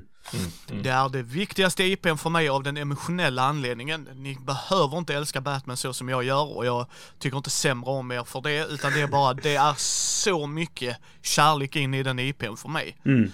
Uh, Alltså varje gång jag sitter och spelar ett spel med det så tänker jag på min mormor när jag läser och, att, och det är, kan vara jobbigt för mig bara att titta på det animated series att jag behöver pausa för att jag mår Alltså jag saknar min mormor så mycket. Mm. Eh, så att, att spela i Gothams värld och Brisse vet hur mycket jag kan DC. Ja. Han vet hur mycket jag älskar DC. Mm. Så bara där, redan där. Jag har fått lära känna Amanda. Och eh, det har varit fantastiskt och Heidi är med och spelar med oss nu. Eh, när ni har lyssnat på detta så minst ett avsnitt ute med Heidi där hon är med och spelar i Gothams räddning. Eh, det har varit jättestort för att de är två fantastiska rollspelare. Men inte nog med det. Inte nog med att jag har hittat mina soulmates i rollspel mer eller mindre, för att jag, det är verkligen så här, vi, vi spelar så jävla bra ihop. Så har jag fått spela med Brisse, Mm. jag har fått spela med Micke från Rollspelsdags. Jag har fått spela med Jossan från Rollspelsdags. Eh, de har joinat Mindy-familjen. Amanda och Heidi har joinat oss. Maja som gör en av rösterna, Vicky Veil gör hon, eh, har joinat oss. Så vi växte. Vi var tre snubbar, jag, Matti och Thomas och nu är vi helt plötsligt åtta och till och med den nionde joinade oss idag, Mia. Eh, och vi växer hela tiden och vi vill ha så många röster hörda som möjligt och vi vill göra olika idéer, olika projekt tillsammans och sådana grejer. Men den kärleken till Mindy är stor för mig också. För att utan Mindy hade jag inte träffat Thomas eller Brisse. Mm. Nej, så är det. Visst, visst. Matti, vette Sören liksom, Nej. även om vi har en gemensam polare liksom. Så, så för mig är det inte, alltså ett jättestor grej. Och inte nog med alla de här underbara grejerna. Jag har kommit närmare Kristoffer Warnberg som har gjort världens bästa rollspelsskrumt. Eh, Det behöver inte ens fightas med mig om för att det är så bara. Det är absolut inte en subjektiv åsikt kan jag lova. Eh, Men det är det ju. Eh, Vi håller ju på att göra ett rollspel ihop som bygger på skrumt. Eh, och det är under arbetsnamnet Hero. Sen får vi se om det kommer i tryck eller vad som händer där. Men jag ska skriva setting med honom. Jag ska skriva en kampanj för första gången. Jag har spelat kampanjer. Jag har gjort mina äventyr men jag har aldrig skrivit någonting som kanske ska hamna i tryck någon gång. Nej, alltså, så- Och blir det inte det så blir det inte det. Det är ju inte svårare än så, men då har jag ett system som jag, Amanda och Heidi använder bland annat och jag kommer nog verkligen köra det stenhårt så fort jag får chansen, bara för att jag gillar det. Um, och det är också liksom inte en liten grej. Jag menar, hade ni frågat mig vad tror du om fem år? Nej, men jag spelar väl rollspel och brädspel lite sådär. inte på den här magnituden och inte att jag sitter och gör ett spel och, och jag kan säga alla intervjuer jag har gjort har hjälpt fantastiskt mycket. Det kan jag säga. Ja, mm. Mm. ja kul. Så Gothams räddning, hands down. Mm. Det är, jag älskar att fick gästa Svartviken, alla grejer vi har gjort med Brisse, att jag fick eh, prata med Johan var fantastiskt kul, liksom alla de grejerna älskar jag. Jag har fått vara med eh, Spelsnackarna och bubbla med dem, liksom Kristoffer och dem, alltså alla de samarbeten, bli spelledd av Anders Blixt, come on, mm. come on! Men i slutändan är det fortfarande Gothams räddning som har gett mig flera vänner, punkt. Ja, uh, nej, men det är klart. Så, eh, och så ett stort shoutout till Amanda, för att allting mm. började med Amanda. Uh, där hon sa hon ville spela hjältar och jag sa DC och vi vibade bra så sa jag vill du köra en längre kampanj och hon sa ja och sen var det bara jag behöver dubbning, hon har hjälpt mig med det liksom, ja men prata med denna personen. Alltså så att stort, stort, stort, stort tack till dig Amanda från botten av mitt hjärta. Mm. Um, verkligen. Så att uh, Gothams räddning, min bästa produktion. Ja, det var väl som sagt ingen som var förvånad över det kanske. Nej. att du skulle välja det. Och det, det, det är ja. välförtjänt. Det är jätte, jättekul att lyssna på. Um, mm.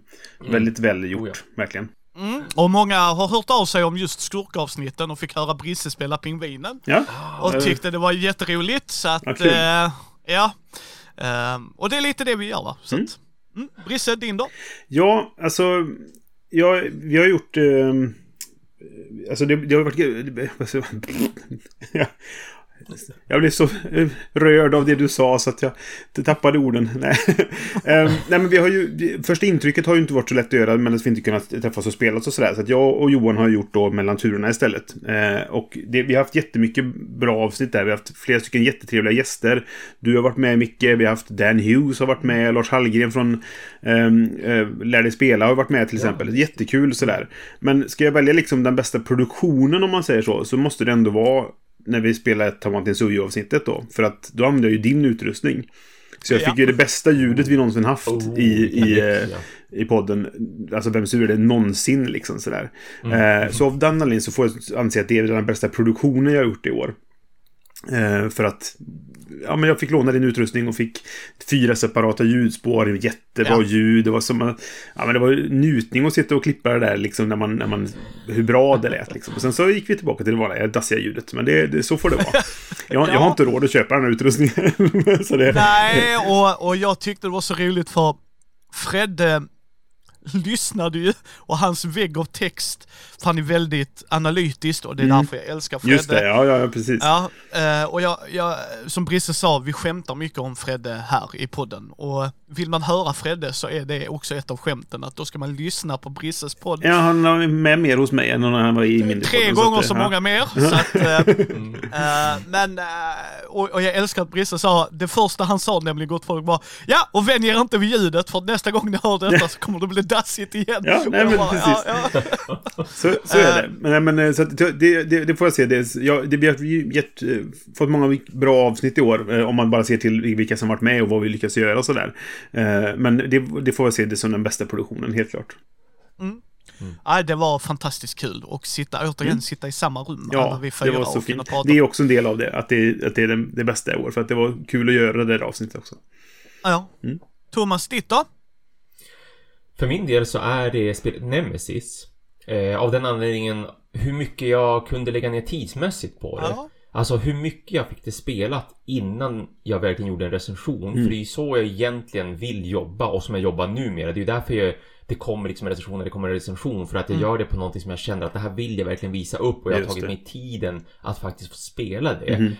Eh, så att det var, det var både, jag menar som, som du nämnde eh, Micke när du var upp här och vi fick spela det i stort sällskap och jag fick spela det i mindre sällskap. Jag har fått spela det med storyn också för man, man kan ju få tag på om man kickstartar det en kampanj som var jättekul att spela. Jättestorydriven, väldigt intressanta val man gör, väldigt kul med så här eh, om du väljer A så C B, om du väljer C så C X liksom att det verkligen grenar ut sig.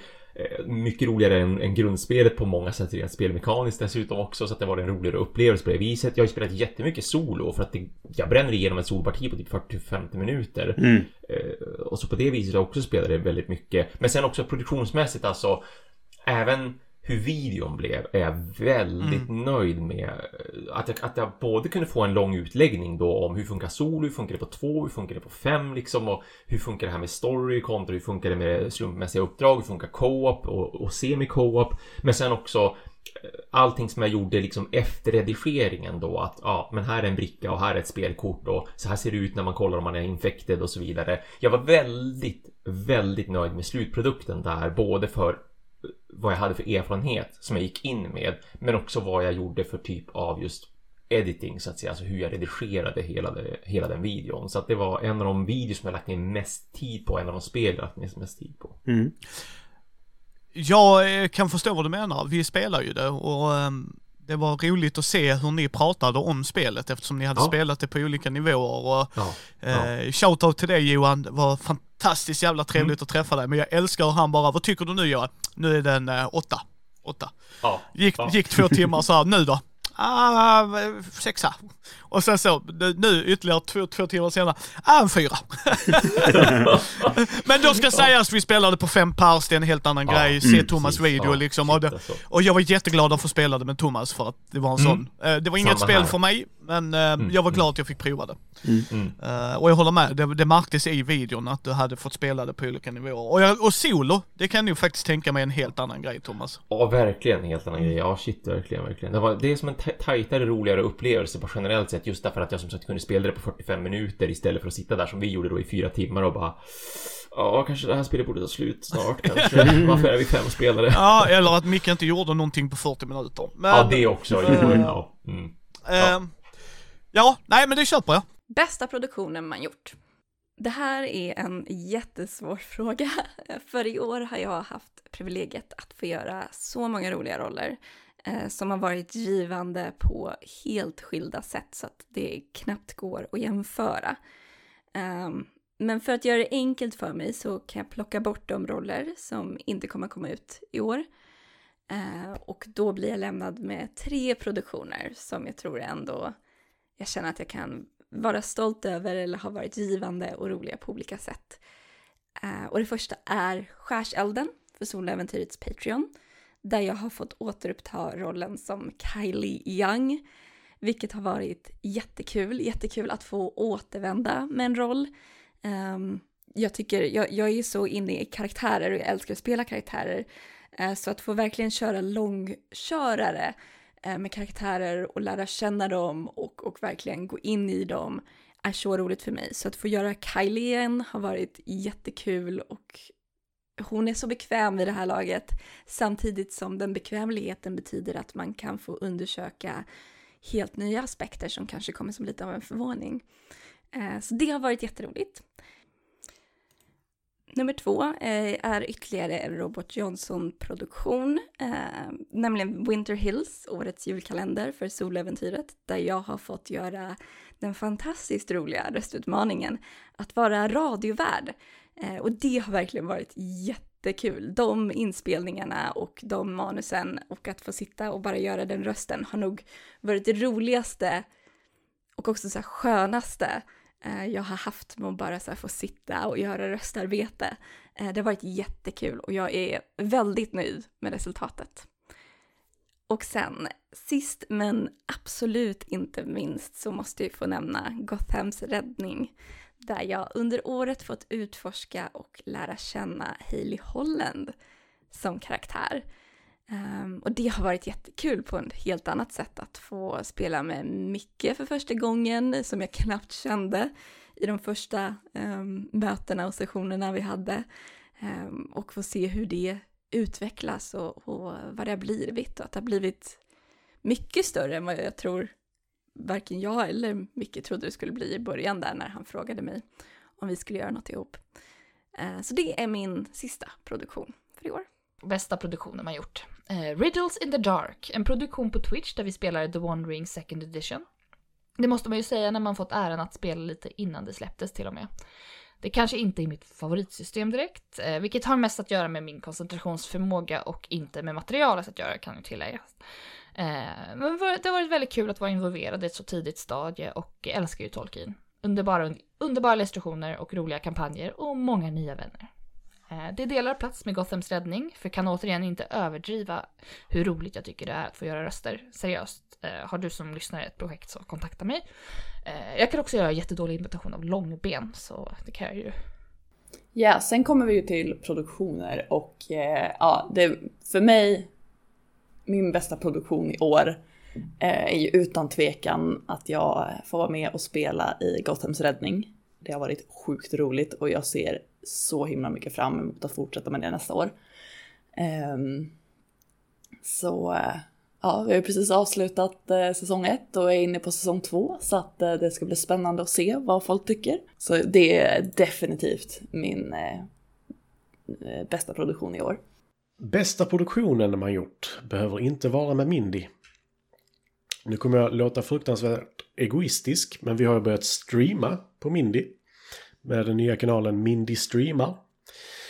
Och det har varit svinkul, ärligt talat. Eh, vi har precis börjat, höll jag på att säga, men vi, har på, vi streamar inte jätteofta. Men vi försöker göra det i alla fall sista söndagen i månaden. Och jag tycker det är superkul. Eh, är vi många så försöker jag göra ett partyspel. Vi spelade Wavelength första gången. Eh, jag tror nog alla skrattade så de grät som var med.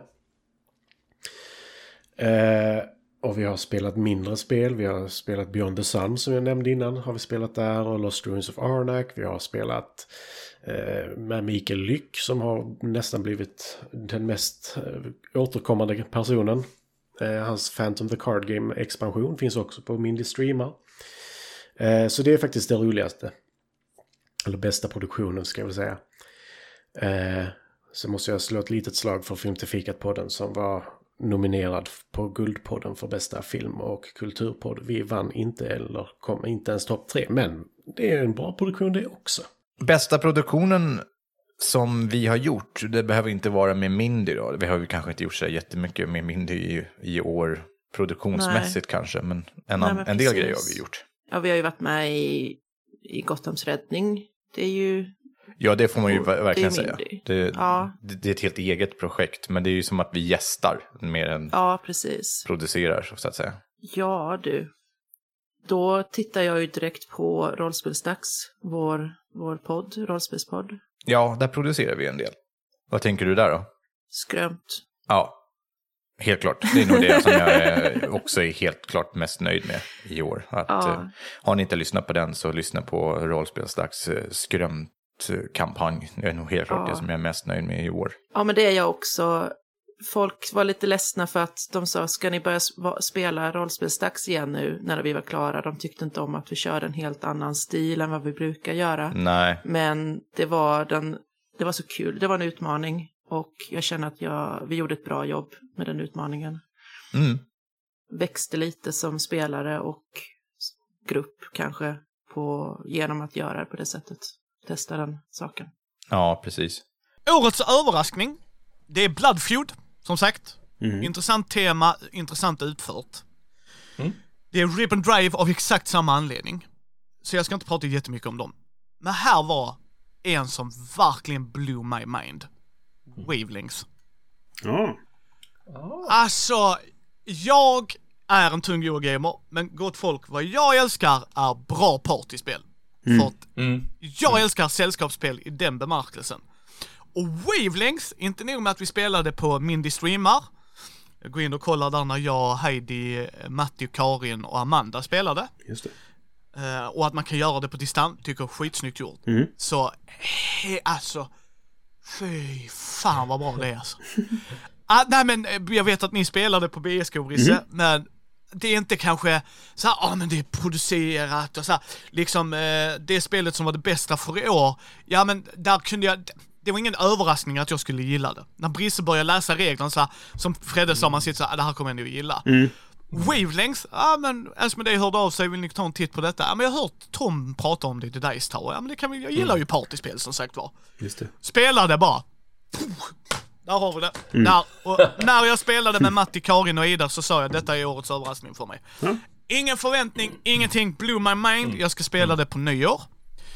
Eh, Ah, det, ska, ja, det ska spelas, det ska spelas, det är bara så, det är en av de grejerna. Och, och eh, snillrikt system med hela lådan, alltså för en gångs skull en insåg som fungerar. Mm. Eh, liksom eh, alla korten, hur mycket replayability där är. För wavelengths är då ehm, man ska hamna på samma våglängd. Det är wavelength. Vi ska hamna på samma våglängd.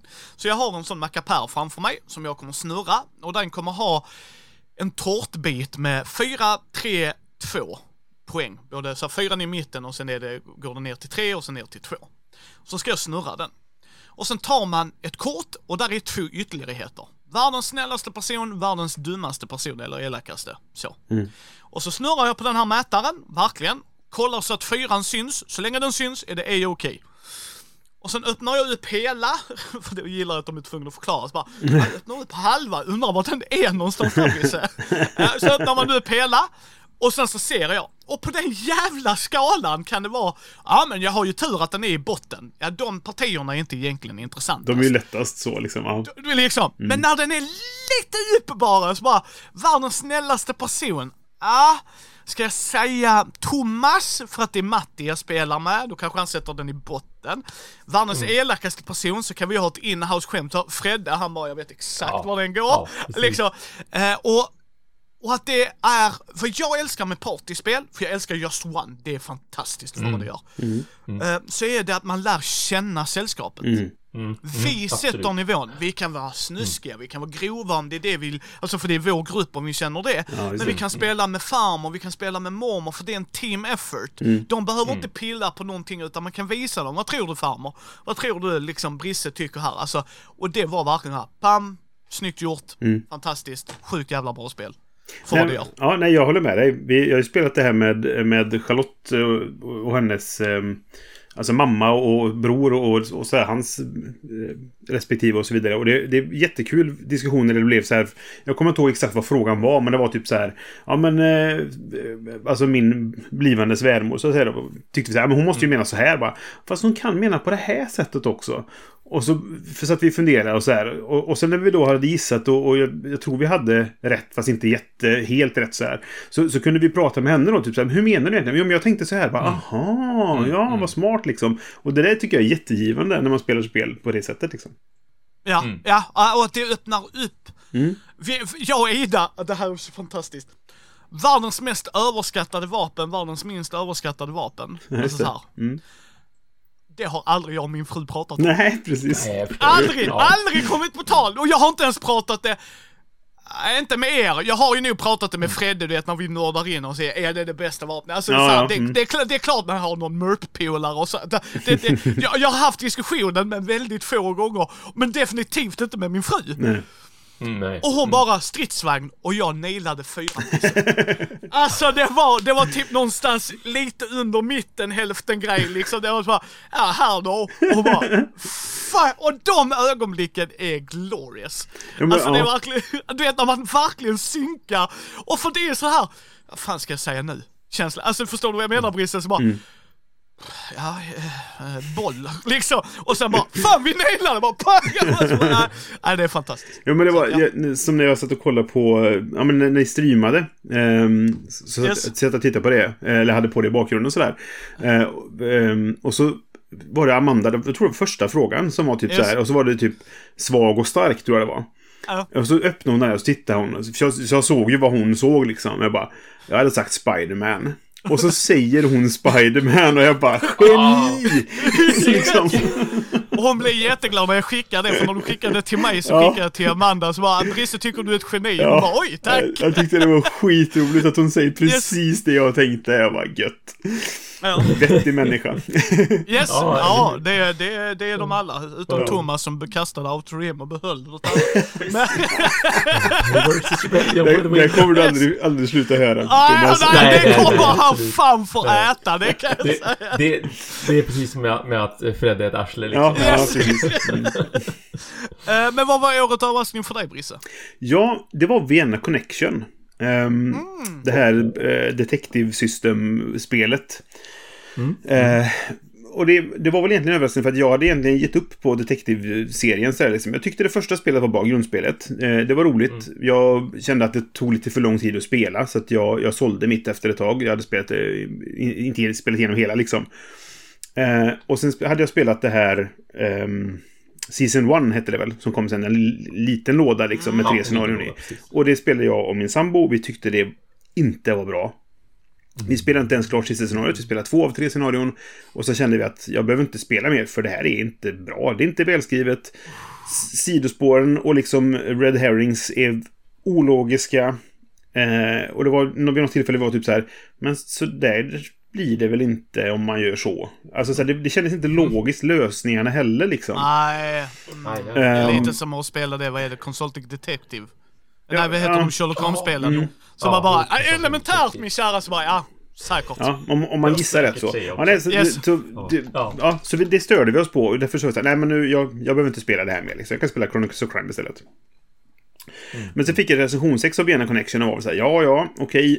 Så li- lite så här pliktskyldigt så, så satte jag mig ner och bara, jag får väl spela det här då. Eh, och så tänkte jag, jag spelar det själv, för då kan jag eh, ta mig igenom det, liksom utan att någon Ja. annan behöver Leda. Ja, men precis. Och, och jag kan Ja, ja, liksom eh, styra det själv hur jag, hur jag tar mig igenom detta. Men så var det ju fantastiskt jättebra. Eh, jaha. det är en av de bästa spelupplevelserna, soloupplevelserna jag har haft i år. Alltså sådär. Ehm, så. För det, det är så bra känsla i det. För det här, det utspelar sig under kalla kriget liksom. Man är CIA-agenter som är i Europa och det är, är liksom... eh, Och järnridån. Ja, det är järnridå, det är liksom det är KGB-agenter och det är dubbelspel och det är liksom eh, verkligen den känslan för den typen av liksom genren om man säger så. Och det är betydligt mer välskrivet. Eh, sidospåren känns logiska. Det är som att, jag vet inte om de fick liksom kritik för 1 och så tyckte de okej, vi får skärpa oss nu. Eller så är det bara andra författare som vet vad de sysslar med liksom. Ja, just det. Ja. Så att, eh, välskrivet och så här. Och sen har de gjort om systemet lite grann. För i grundspelet så är det så här, allting tar tid där. Du har en viss tid på dig och när den är slut, då måste du ha, ha lösningen liksom. Och det är bara ens systemet är det ologiskt. Typ, Ja, men det är väl logiskt då att det tar en timme för mig att åka till stället. Okej, så då spenderar man tid bara på att behöva åka mellan platser liksom. Så då måste man optimera att nu gör vi allting här. För vi har inte råd att åka bort och sen tillbaka igen. Och så vidare. Och så är det typ så här. Ja, vi hittar ett lik. Det måste obduceras. Ja, vad gör vi då? Då åker vi till obducenten. Det tar en timme att åka dit. Och sen sitter vi och väntar i fyra timmar medan han gör det. Yay! Titta på klockan liksom. Jaha, liksom sådär. Um, i Vienna Connection så är det istället att du, du har inte tid på det sättet. Du har uppmärksamhet. För man blir ju inte, vill ju inte bli avslöjad som agent liksom i, i fiendeland om man säger så. Eh, så du har uppmärksamhet som är uppdelat i, i ett antal olika, eh, vad ska man säga, områden vad det gäller, inte geografiska områden, men typ så här, ja men här är rättsväsende, kan vara ett område och sen är det eh, allmänna platser är ett område och, och arkiv och liksom så här va? Och så ehm, varje gång du ska åka till det, för det är ju så här, det är som en som har vargen liksom, att vill du undersöka det här närmare, ta det kort nummer 15 liksom. Det är ju så systemet funkar i grunden då. Och då står det så här, vill du kolla på detta kortet så kan du göra det, det blir det blå området. Och blått är då typ rättsväsende. Och då vet jag det, hur mycket uppmärksamhet har jag kvar att kryssa av i blått? Och så får man kryssa av då allt eftersom så här. Så kan man sen då liksom, okej nu har jag kollat väldigt mycket på gult till exempel då va. Ja, men jag behöver nog veta detta. Ja, då kan jag ta ett kryss på den svarta istället då. För då har man ett, visst antal svarta som du kan dumpa liksom eh, kryss då på. Och när, den, när all, den svarta är full, då, då måste du svara på frågorna liksom. Ja. Och det funkar mycket bättre än att ha en tidsmärke. För du, du kunde styra mycket mer över vad vill jag göra nu, vad vill jag rikta in mig på och sådana saker. Och som sagt då, storyn känns rimlig, den känns sammanhängande, sidospåren känns sammanhängande fortfarande. Det går att genomskåda saker som är typ så här, fast det här, någonting stämmer inte här. Och det går att lista ut hur det ligger till. Mm. Så att, jättebra, verkligen. Ja. Ehm, Ja, jag fick upp uppåt för, liksom igen. Jag är sugen på det här Dune-spelet nu som de är samma alltså system. Ehm, för att det, det kanske... Är det lika välskrivet så kan det vara suveränt liksom. Och få, Ja. få Ja. liksom grävas in lite i, i den världen då. Just det. Ja, Så ja. Vienna Connection, verkligen en överraskning. För jag, hade inga förväntningar på det överhuvudtaget. Eller Nej, jag hade låga förväntningar snarare på det. Ehm, Ja. och det var väldigt bra. Ja, vad är årets överraskning för Thomas?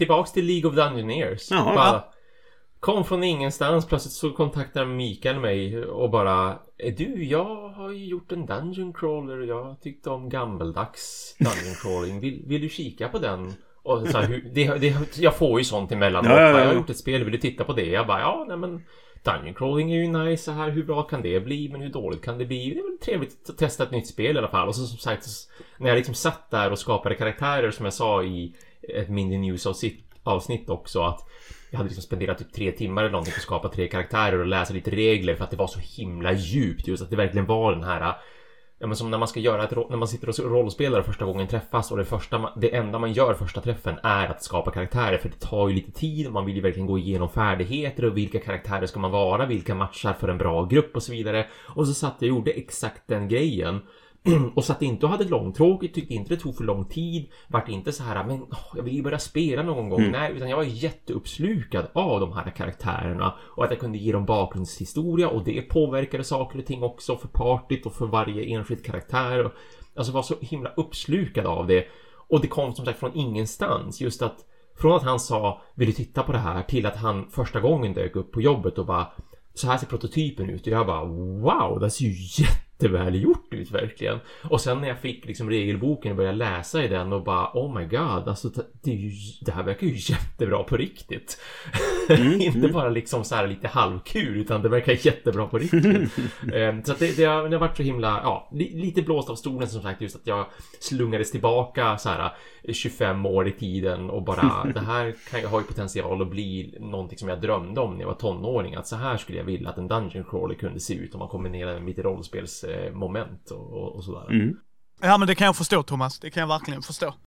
Årets överraskning för mig eh, är nog hur bra det ändå har gått att spela så mycket online. Eh, Board Game Arena har varit ett fantastiskt verktyg att använda sig av under en pandemi. Och eh, gör att man ändå, vi har haft eh, en kompisgrupp som har suttit och spelat och eh, eh, haft videochatt igång samtidigt och det har funkat riktigt bra och varit riktigt kul. Så det för mig i alla fall är en stor överraskning att det faktiskt har funkat så pass bra som det har funkat och att jag har haft så pass kul som jag har. Årets överraskning. Eh, den är rätt dålig egentligen. Eh, årets överraskning för mig var tystnaden efter det att Atomic Mass Games tog över alla minifigspelen från Fantasy Flight Games. Det var tyst väldigt, väldigt länge. Nu har de börjat prata igen. Eller börjat prata ska jag väl säga. Men med tanke på att alla forum och sånt här det, det existerade inte under flera månader, vilket jag tyckte var väldigt, väldigt konstigt. Men eh, nu har de kommit igång, det släpps lite nya grejer, eh, vilket jag ser fram emot.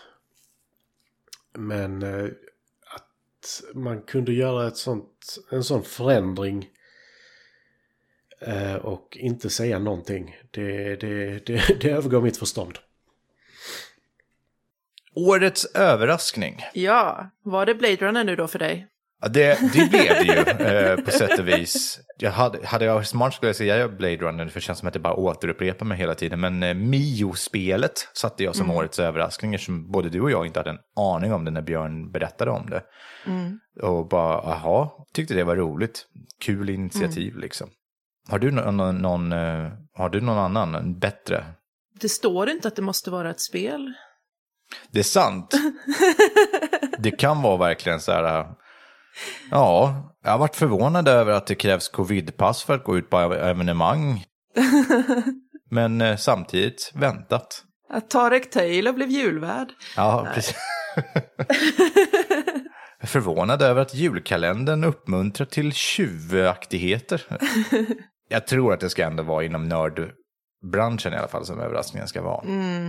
Jag blev ju väldigt överraskad av att jag, det här är så, det här är så här, nämner det här om och om igen, men jag blev väldigt överraskad att jag vågade spelleda i vår podd. Ja, just det. Och det var ju första gången jag spelade och skrev äventyr och allting. Och sen blev jag ännu mer överraskad av den enorma storm av positiv feedback jag fick av det. Jag vart inte överraskad, men eh, man blir ju glad i alla fall över att det mottogs mottog så bra. Men det är nog du som blev mer överraskad. Jag tyckte det var skitbra. Tack. Men jag tror att om man vänder på frågan så känns det lite som att vi överraskade våra lyssnare med det. Sant, det tror jag. Jag vet inte, det känns väldigt för mig att säga att det var årets överraskning för lyssnarna. Men det var en överraskning i alla fall. lite, lite kanske väl storslaget. Men eh, det var ju en eh, planerad one-shot som blev eh, väldigt lyckad. Mm, absolut. Och om ni undrar vad fan vi snackar om är att vi gjorde en produktion med rollspelsdags som hette, vi spelade Barkhäxan, där Josefin var spelledare. Och har ni inte hört den så borde ni gå in och lyssna. Det är ett en timmes avsnitt, höll jag på att säga, men ett avsnitt så att är. Ungefär en timme, lite mer kanske. Ja, Jag älskar hur vi passar på nu och bara gör en massa reklam för oss själva. ja, ja. Det är så, så är det. Det, Så är det gör det. nog alla. Men man måste ju ha lyssnat på oss.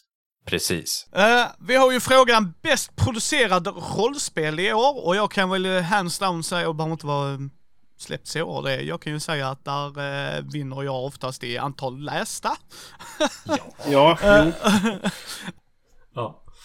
Och frukta inte gott folk, första intrycket håller jag bara på att förbereda, det läses fortfarande men jag behövde ha en paus där för att liksom, åh, stressa inte utan mer Mm. fokusera lite och jag börjar ta ut grejer jag själv är lite nyfiken på, bara för att rensa paletten lite. Men, det var två jag faktiskt inte stressade läste igenom utan jag vill intervjua folket bakom det. Mm. Men också att jag var sjukt nyfiken på det. Och det är två svensk producerade rollspel, vilket är extra kul. Mm. Det ena är på svenska och det andra är på engelska och det har till och med Thomas en pdf på på det andra. Så eh, vi börjar med det första. Vindskäl. Mm. Så jävla vackert. Så jävla vackert. Alltså det är hatten av till dig Lukas. Det är från Bläckfisk förlag, Lukas Falk har gjort det, Ronja Melin är bland annat en av illustratörerna till det. Och det är så jävla vackert. Ja, Mm. det är det verkligen. Alltså fy fan vad vackert det är. Och sen är det pamflettäventyr som är så här, bam, så jävla smart. Pamflettkaraktärsblad. Alltså det är så gulligt och sött så att det inte är. Och det är verkligen inte min typ av spel i normala fall. Så bara, ah, vad gillar du Micke? Ja, depp, död, ångest. Det är ju så här. Jaha, nu kommer vindskäl. Vad är det? Tvärtom allt du gillar. Ooh, you still got me. You still got me Lukas. Eh, och det är så jävla vackert. Alltså det är verkligen det. Det är liksom vad han, och jag älskar Lukas Falk ifrån Bläckfisk förlag. Eh, Han är vän till podden, ni får ta det, men jag har köpt, jag har fått lite recensionsex, men jag har köpt en del av dem också.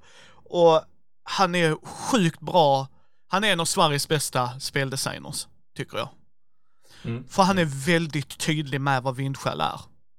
Mm. Och jag älskar när rollspelskonstruktörer eller brädspelskonstruktörer, eller dator och tv-spel också för den, spelkonstruktörer när de, det här är min vision. Ni behöver inte gilla min vision, ni behöver inte älska min vision, men det här är vad jag, vad detta är för mig. Och jag har alltid mer respekt för det. Mm. Alltid, alla dagar i veckan. Du, du har en vision, jag kanske inte kommer alltid älska det, jag kommer inte alltid gilla det kanske, men fy fan vad jag gillar att du har stick by your guns och gör detta. Och det var en intressant läsning och äventyren är korta och koncista Eh, det kommer ju videos på allt detta såklart, det är faktiskt till och med inspelat, jag har inte bara orkat redigera den. Eh, men det är så jävla snyggt gjort. Alltså det är verkligen så här. åh! Upppeppigt! redan från, redan från liksom coverarten så säger detta, det här är nog inte det jag i normala fall skulle läsa. Mm. Alltså förstår ni vad jag menar? Liksom, redan där, bara bam! Ah, så jävla snyggt. Och det andra är Troubleshooter från Helmgast. Ja. Mm. Och jag älskar Christer Sundelin, han är en vän till podden. Vi har intervjuat många av hemgastarna och de har varit jättesnälla och skickat recensionsex till Heidi så att det kommer någon gång i framtiden där Heidi skriver en skrift, alltså skriver en recension. Mm. Så att vi har på hemsidan. Så sådana grejer kommer också i framtiden gott folk. Men det är samma grej där. Christer hade en vision. Jag Mm. älskar fransk-belgiska comics.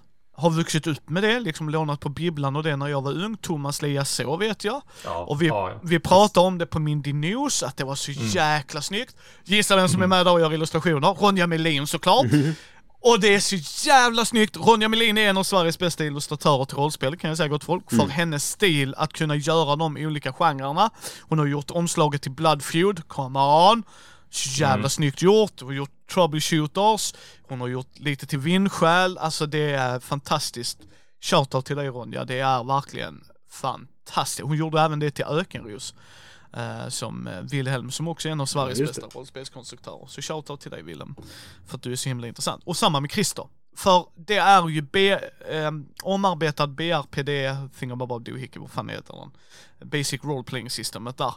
Eh, och att man är vanliga människor på en alternativt 60-tal som bara går ut och äventyrar.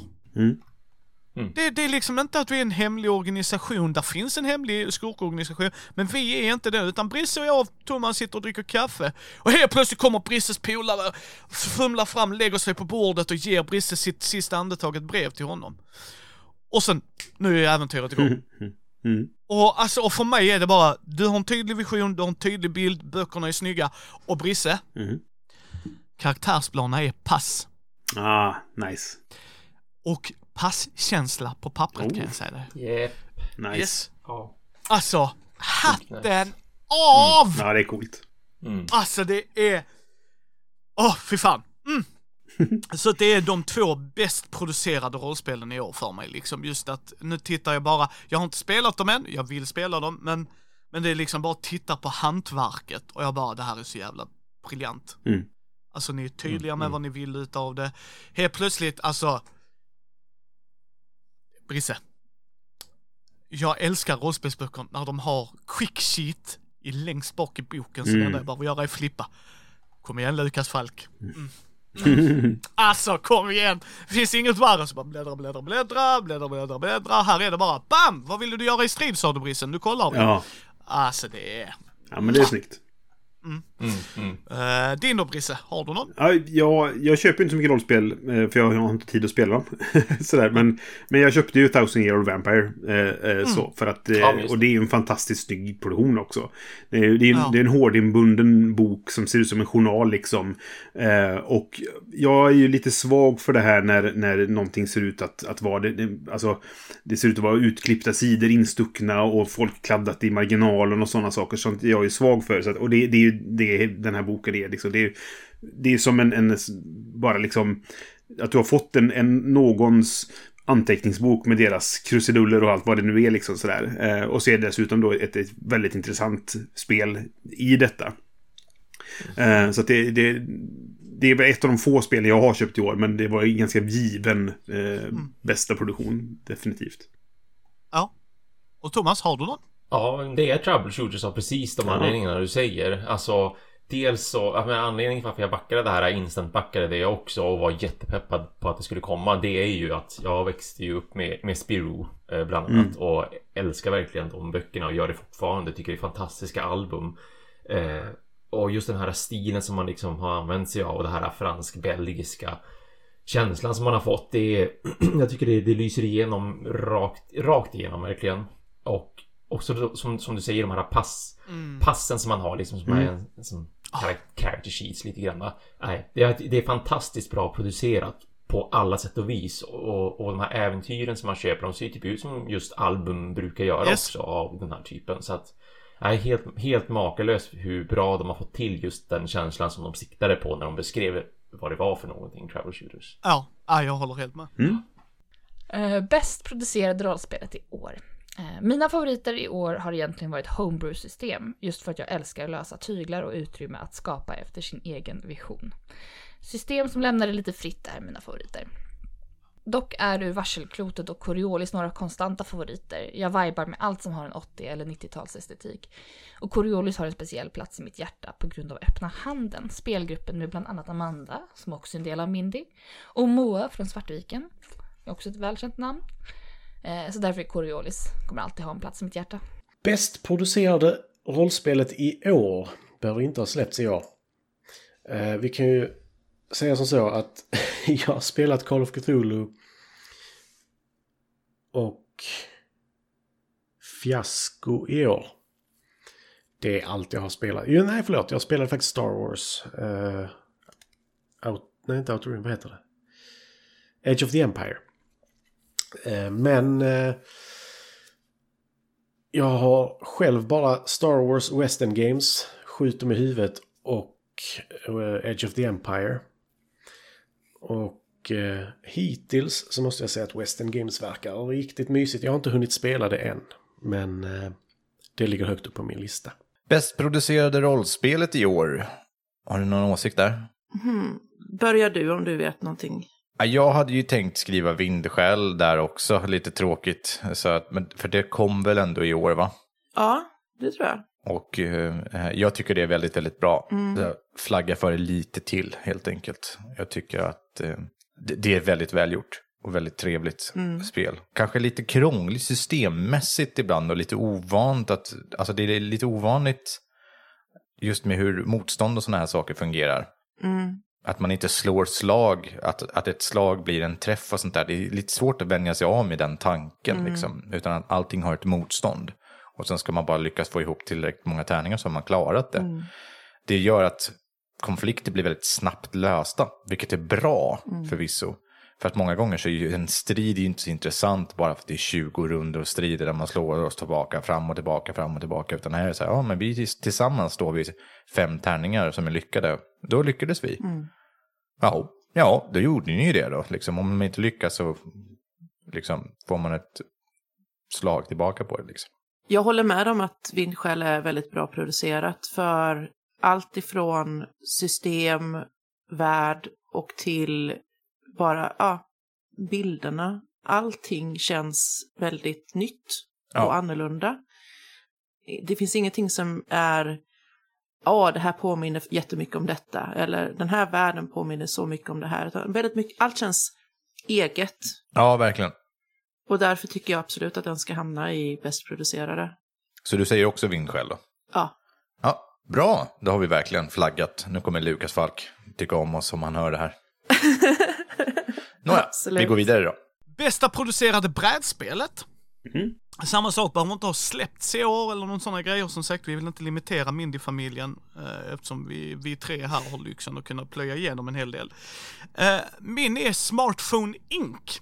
Mm. Ah, För jag tyckte hela det layouten, eller vad man ska säga, alltså hela lådan är bra, eh, spelplanen är tjock och när man har de eh, goalsen så kan man tänka sig, gott folk, de har faktiskt gjort så att det är en inlay, en liten insert så att du trycker ner dem där. Mm. Och för mig är det här, det är bara briljant. Mm. Alltså det, det är så jävla smart gjort.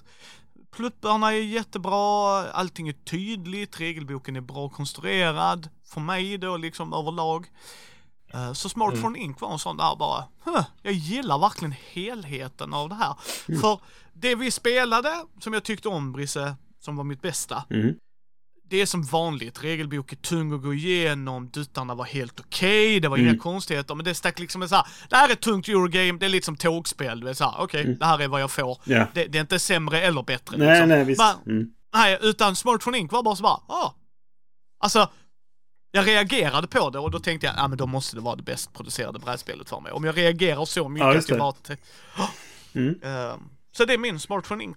Ja. Jag vill fortfarande spela det. det jag, jag tittar på det, det står i hyllan. Jag har bara inte haft tid Mm. Ja. att spela den. Men jag är väldigt sugen på att spela det.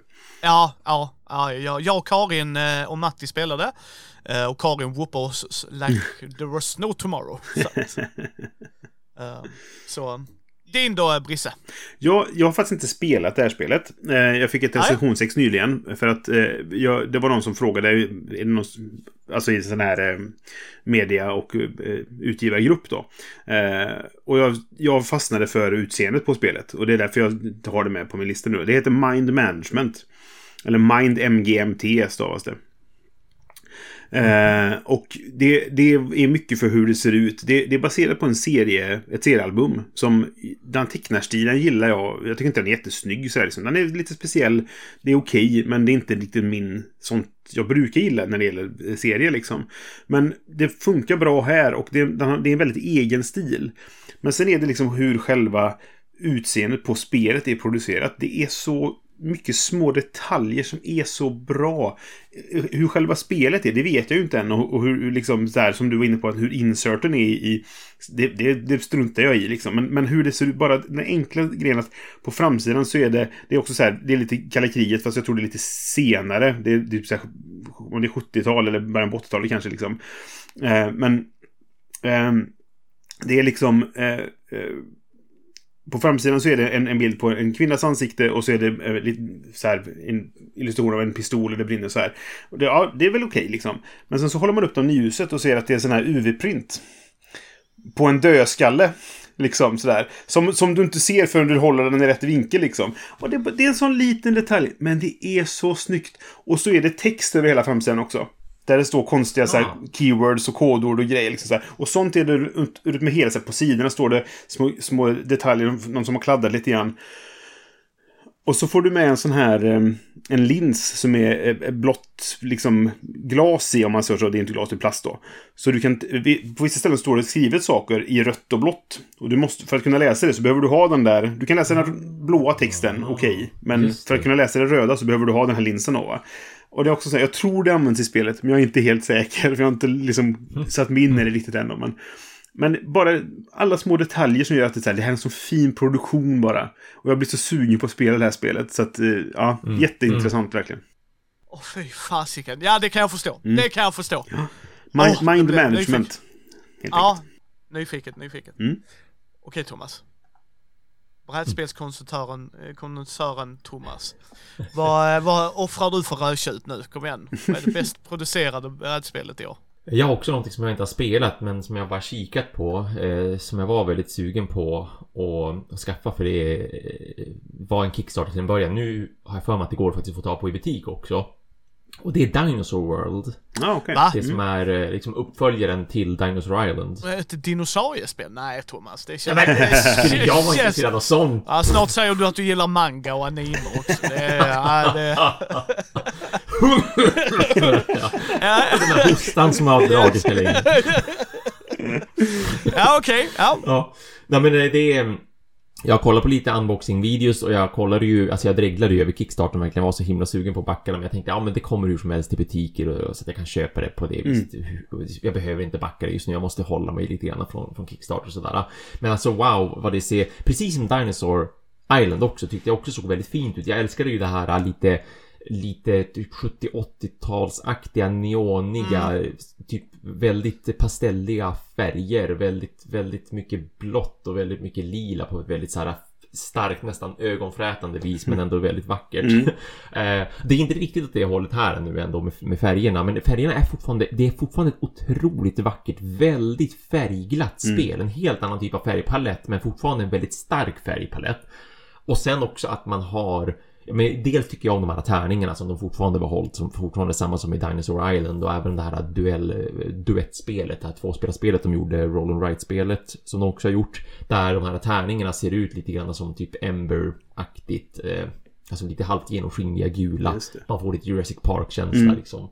Eh, och sen även här så verkar det vara en bra inlay att så här hur man placerar alla brickorna som bygger upp spelplanen, hur man placerar just tärningarna, hur man placerar ditten och datten och de här komponenterna. Och komponenterna i sig ser fantastiskt bra ut och att de faktiskt har gjort sådana här spelbräden som är liksom i lager. Så att när man placerar ut kuber så hålls de fast. För det är ändå ganska mycket kuber man placerar i det här spelet för att hålla koll ja, på DNA och liksom grejer och pluppar hiten och diten. Mm. Så det verkar vara en det verkar verkligen vara en, en fantastiskt bra produktion. Eh, precis som jag, vad jag tyckte att det, det, förra spelet var. Och det gäller ju även dinosaurierna i sig såklart. Att, att eh, de här små plastdinosaurierna man får med ser också väldigt bra mm. ut. Och Dinosaur World tror jag kostar typ 600 kronor i butik. Och det skulle jag lätt betala mm. när jag ser spelet. Just för både hur rejält det ser ut men också hur bra förpackat allting verkar. Och, och, och, regelboken. Regelboken ser väldigt pedagogisk ut. Den är väldigt tydlig i hur man ska göra setup. Den är väldigt tydlig i hur man ska gå vidare till liksom så här börjar spelet, de här faserna är och så vidare. Allting ser väldigt, väldigt väl genomtänkt ut och väldigt bra. Ja, coolt. Mm. Ja, men vad, vad härligt. Bäst producerade brädspelet i år. För pandemins räkning så är det bästa spelet inte ett brädspel direkt, men ändå. Eh, Jackbox-spel har, har, fungerat perfekt under tiden eh, då vi satt isolerade och inte kunde ses och spela. Jag och mina kompisar har haft Jackbox-kvällar på distans och det har fungerat perfekt då alla spelat från sin egen mobil. Medan en person har delat skärm med själva spelet på. Eh, kan rekommendera det. Bäst producerade brädspelet i år behöver inte ha släppts i år. Uh, den är svår. För jag tycker egentligen att det som jag tänker nämna är lite överproducerat. Eh, men Praga Kaput Regni. Eh, för den närvaron det spelet har på bordet är helt fantastisk. Man bygger liksom upp en liten bro, man bygger upp eh, två stycken byggnader där man rör sig på också. Och jag tycker det är, det är väldigt... Det, det, det syns att du spelar Praga Kaput Regni. Man väljer handlingar på ett hjul du snurrar på brädet. Du har två hjul på ditt eget bräde du snurrar. Det, det är väldigt fint och fippligt om man säger så. Men jag gillar det. Eh, Och spelet är nog det mest positiva spel jag spelat. Man får så mycket för allting man gör. Bäst producerade brädspelet i år då? Behöver inte heller ha släppts i år. Nej. Nej. Vill du börja? Brädspel är ju svårt, för jag känner att jag inte har spelat så pass mycket brädspel egentligen att jag kan uttala mig. Men ett som aldrig blir gammalt, det är ju Terraforming Mars. Jag har också skrivit det. Har du det? Så jag, ja, det har jag. jag var verkligen så här bara, nej det är för jävla bra alltså. Eh, Med, expansionerna som har kommit och sånt där så får, finns det så stor variation på vissa grejer som man kände i början att Alltså spelet i sig är ju väldigt, väldigt omspelbart. Det känns ju inte som Ja. att man spelar samma match om och om igen, utan varenda Aldrig. game är ju liksom ett nytt. Eh, Men med alla expansioner som har kommit med nya sidor av Mars och eh, till och med andra planeter är det kanske till och med. Med att massa extra företag och sånt där, det, det blir så jäkla stort och bra. Alltså det har allt som jag vill ha i ett brädspel. Ja, jag håller med dig där. Det enda dock som jag inte tycker om med det, Mm. det är att det inte kommer bättre brickor att sätta ut sina pluppar på. Det är något man får köpa till. Du tänker på de här i papp eller som... Ja, din produktionsbricka. Jaha, du menar den som du sätter ut eh, din elproduktion och Ja, precis. stål och sånt där? Ja, just det, den ja. Samt att lådan inte är så smart. Den är inte planerad alls för att lägga tillbaka kort och allting i. Den är inte alls utformad. Det är Nej, bara en låda. nej. Så pedanten i en blir lite irriterad varje gång. Vi har ju fått göra egna lösningar. Man kan köpa till brickor till produktionsbrickor. Ja, ganska dyra är de också har jag läst. Om jag inte Ja. minns fel. Så det är den enda dåliga. Men annars är det verkligen som du säger att spelet går att spela om så många gånger och det är alltid något nytt som händer och expansionerna gör det ännu mer spännande. Ja, verkligen. Det är ju inte ett nybörjarspel däremot. Alltså, man ska vara lite beläst inom brädspel för att börja sätta sig med det. Alltså, det är inte som att plocka upp Settlers of Catan. Catan, liksom, som har ett Nej. väldigt enkelt regelsystem. Men eh, det är ju inte svinsvårt heller. Nej, men vi har ju spelat det med folk som inte spelar brädspel. Ja, Då har det ju varit att vi försökt förklara allting och sen har vi till slut sagt att nej men vi kör. Ja. Och så har det tagit två, tre generationer innan det har, alltså rundor. in-game alltså. inte 30 år innan de har förstått. Det är reglerna. så har de kommit in i det rätt bra. Och många tycker jag ändå har fattat galoppen under spelets gång. Andra har kanske inte, men då kanske de förstår till nästa gång. Ja, Om de tycker det är kul. ja. Men jag håller med, det är inte riktigt nybörjare sådär. Jag testade ju eh, också det där uh, Terraforming Mars bräds, nej inte brädspel, kortspelsversionen av det. Mm. Det var bra, men nej, fastnade inte alls lika mycket som jag gjorde för brädspelet. Okej, Nåja, det har inte jag testat. Nåväl, Då har vi nästa fråga. Vad ser vi fram emot nästa år? Det kan vara allt, alltså det är inte bara spelrelaterat till det. Mm. Eh, för mig är det konvent, Mm. utan tvekan, för två anledningar. Eh, komma hemifrån, det är alltid liksom roligt att resa någonstans där man har ett tydligt mål. Mm. Men jag får träffa polare. Om vi åker till Gothcon så är oddsen rätt stora att jag får träffa Brisse. Mm. Och då är det så här, ja men det, då är det, det är bra redan där liksom. Så. Det vinner alla på, vet du. Jag får Ja, ju träffa ja, dig också, precis. så det går åt båda hållen. Precis. Ja, eh, och har vi riktigt tur så kommer Thomas. Då är det så bara, oh, nu, nu har vi checkat på, på Oh, yeah. detta ännu mer. Ja. Oh yes, oh yes. Eh, kunna hålla en Mindy liveshow. Eh, Mm. Det är bokat på Gothcon. Uh, sen får vi se om det blir av, men jag har satt undan tid, jag har bokat hotell.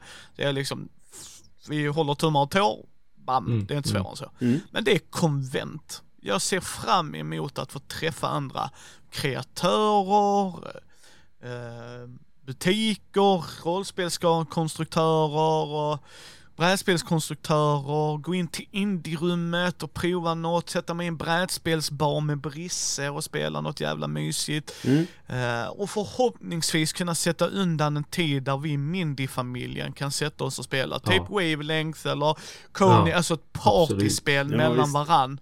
Och bara, och, och i Mindy-familjen inkluderas Brisse. Mm. Så är det bara. Mm. Liksom så här, att vi bara får lära känna varandra ännu mer och bara säga hej till varandra och stötta varandra liksom. Och sen Mm. att se Mindy-familjen växa mer, vi slutar inte att rekrytera folk, det är inte det så här, bara, nu är vi bara, nej nej, utan vi vill ha så många röster som möjligt som vill göra olika grejer och jag ser fram emot att fortsätta Gothams räddning, vi är på säsong två nu, vi håller på att spela in ju. Mhm.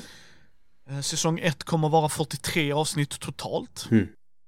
Så eh, där ser man, jag ser fram emot att se Brisse.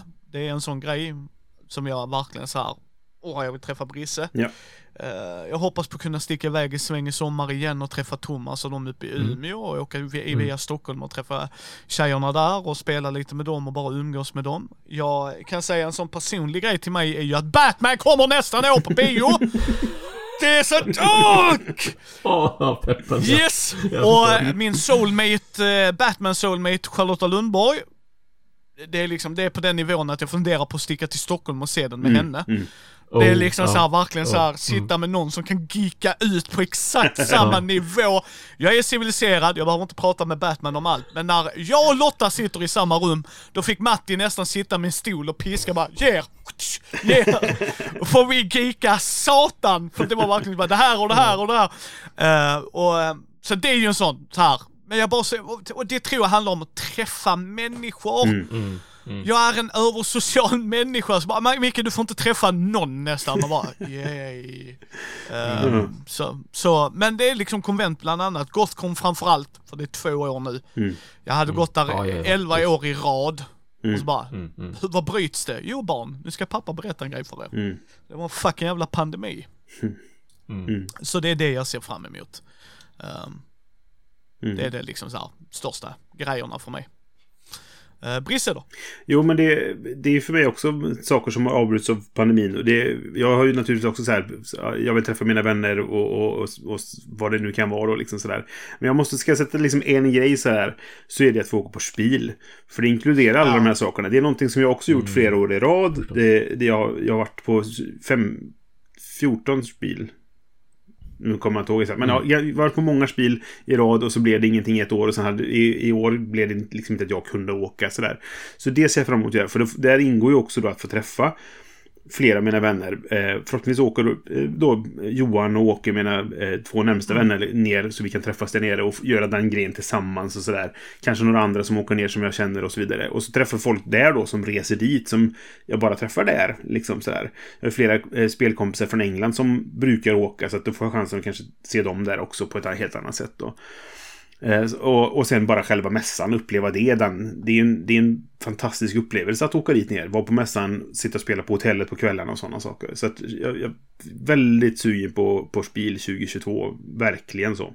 Sen så kan jag då lägga in då att visst, så här, ja, svenska konvent också trä- åka runt och träffa folk. Kanske ha en, en spelhelg med er eller en spelhelg med, med Åke och Johan eller så, liksom. så Sådana saker ser jag fram emot också. Och mitt gamla spelgäng från, från Falkenberg. Vi ska ses i januari. Så det är en sån grej. Det ser jag också fram emot. För de har inte heller sett på två år. Liksom. Ja. Eh, så det, det är mycket så här, träffa folk. Jag är, jag är också precis på din samma spår som dig där, Micke. Men, eh, men så får jag liksom en extra pling då, liksom, till, till spil. Att det ska bli... Det hoppas jag att det blir av och att jag kan åka, liksom. Mm. Ja, jag, jag, jag förstår dig. Mm. Jag förstår dig verkligen. Eh, med tanke på att det är som, som du sa, en, eh, en, ehm, en tradition. Ja. Och traditioner är liksom så här att, att det är en viss känsla. Ja, Jo, jag förstår dig exakt. Mm. Det är... Mm. Thomas? Mm, det är två saker. Det är dels en konventgrej och sen är det en spelrelaterad grej. Ja. Och uh, konventmässigt så är det Nordsken. Ja, Eh, men det kan jag förstå. Vårat här uppe som vi har i Skellefteå. För det firar alltså, det är tio år nu. Mm. Tio år sedan som det gjordes första gången. Alltså 2012 var första gången det arrangerades. Då, då hade man så här 800 besökare ungefär och, och var supernöjd med det såklart över att oj, första gången vi arrangerar någonting som är ganska stort ändå. Eh, och att det var både rollspel och, och, och brädspel men också liksom de hade filmvisning, man hade nog legorum och de visade stora grejer där och man försökte liksom samla så mycket nördkultur som möjligt, cosplay också bland annat. Och ville att det skulle liksom växa och bli någonting jättestort. Allting. LAN också. Alltså alla typer av nörd, nördgrejer egentligen. Och sen senast man hade det nu var ju 2019 då på grund av pandemin. Men 2019 hade man ju nästan 10 000 besökare. Jesus. Så att det, det, som det har ju växt och blivit jättestort. Och då, då hade man ju såklart, man hade ju världens förväntningar på att shit, vi kan bli så stora, det kan bli en stor grej inom Norden rent utav. Och så ser de bara pandemi. Nej, det vart ingenting. Alla de här planerna som jag hade, alla de här löftena som jag hade fått eh, via både kommunen och alla pengar som de skulle skjuta in och ny lokal skulle det bli och liksom allt de hade fixat med arrangörer och, och gäster och sånt där. Eh, hade ju, fick ju träffa Boba Fett en gång, alltså han spelar Boba Fett i eh, original Boba Fett liksom. Eh, allt det här bara, nej, vart ingenting av det. Och så hände det dessutom igen då 2020 så att jag är liksom peppad både för att komma tillbaka till Nordsken för det är en väldigt fantastisk och trevlig tillställning sådär. Men sen också att vad de kan, vad de kan hitta på och hur långt de ska gå när de ändå ska fira dessutom 10 Mm. år. Så att det, det ska bli jättekul att det äntligen får rulla igång igen. För det är, det är så himla kul att ha någonting här uppe. Ja, visst, det förstår jag. Eh, såklart. Mm. Gotcon absolut, det, det blir jättekul att få åka på det också. Det är absolut min plan också. Men Nordsken det är ju såklart någonting som är lite speciellt när det händer och när det är så stort och så brett som, som Nordsken är också. Mm. Nej, det, det, Men eh, sen spel så vill jag ju återigen nämna det, är säkert femte, sjunde gången jag nämner liksom det här spelet i den här podden. Eh, Stars of Acarius. Eh, som ju både du och jag har backat mycket på Kickstarter för typ ett och ett halvt år sedan kanske det är nu. nej, jag har nog inte backat det. Nej, du hade inte backat det? Nej. Ah, nej men Nej, nej. det. Vi har väl pratat om det Det kanske har vi nog gjort, Mm. ja. Ja, ja. Eh, så här. Eller så har jag backat ett spel gott folk jag har glömt. Och då glömde jag. Det har Det har ju hänt. faktiskt Ja. bytt namn. Yes. Det, det, det ska ju sägas att det faktiskt har bytt namn också. Jag kommer inte ens ihåg vad det hette till en början. Det hette Stars of någonting annat till en början. Men sen vart det Stars of Acarius som det numera heter sedan typ ungefär kanske ett år tillbaka, tio månader eller något sånt där. Eh, Och det skulle ju egentligen ha släppts ganska exakt Ja men för en månad sedan eller två så var det ju egentligen planen att det skulle släppas och komma ut och det hade de ju kunnat hålla om det inte vore då för pandemin såklart men allting har ju liksom blivit förskjutet.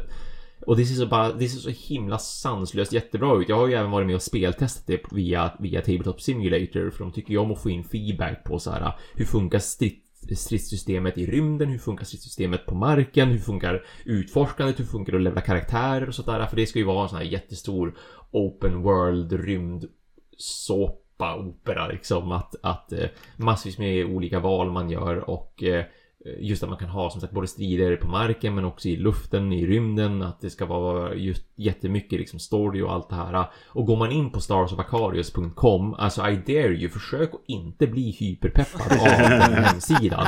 Dels har de byggt en snygg hemsida, det ska sägas ändå. Men sen också alla de här bilderna de har nu på det de har i prototypväg. Det ser så jäkla bra ut så att jag, varje gång som de släpper en nyhet på Kickstarter så blir jag så här jättepeppad på att hoppa in i Tabletop Simulator igen. För de uppdaterar ju Tabletop Simulator-versionen med jämna mellanrum också så att man får liksom tillgång till det nyaste där. Även om de inte såklart har hela storyn och kampanjer och sånt. De vill ju inte spoila Mm. grejer. Men han, han gör ju ett hästjobb, verkligen. ehm, som, som, som ligger bakom, nu ska vi se, shit nu tappar jag det, Brendan. Brendan McCaskill gör ett hästjobb verkligen med den här visionen som han har. Det är liksom Isaac och Gloomhaven all over again för, för min del verkligen. Eh, Han, han bygger upp ett fantastiskt spel som det ser ut och jag är enormt peppad på att det ska släppas nästa Mm. år. Ja, kul. Och sist men inte minst, vad ser vi fram emot nästa år? Nu, fingers crossed, knock on wood, eh, men jag hoppas så att det blir ett Gothcon 2022.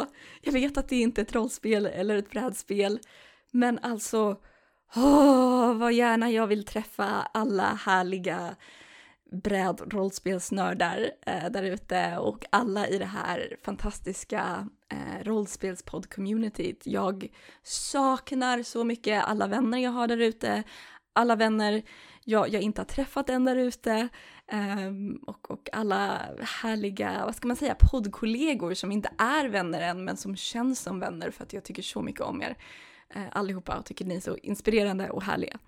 Så att jag ser jättefram emot och hoppas, hoppas, hoppas att det faktiskt blir ett gott kon eh, för mig i år. Eh, det är verkligen eh, min förhoppning. Jag är så taggad. Vad ser vi fram emot nästa år? No prophesying the future. Vi talar inte om nästa år. Vi spekulerar inte om nästa år. Ingen jinxar 2022.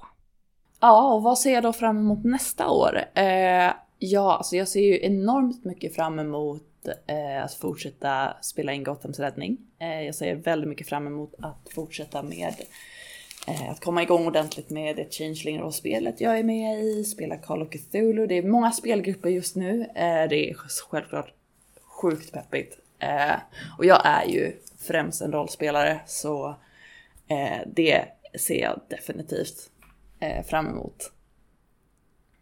Eh, så ja, det var det och eh, tack för mig. Vad ser vi fram emot nästa år? Eh, mina Kickstarters har börjat droppa in lite nu.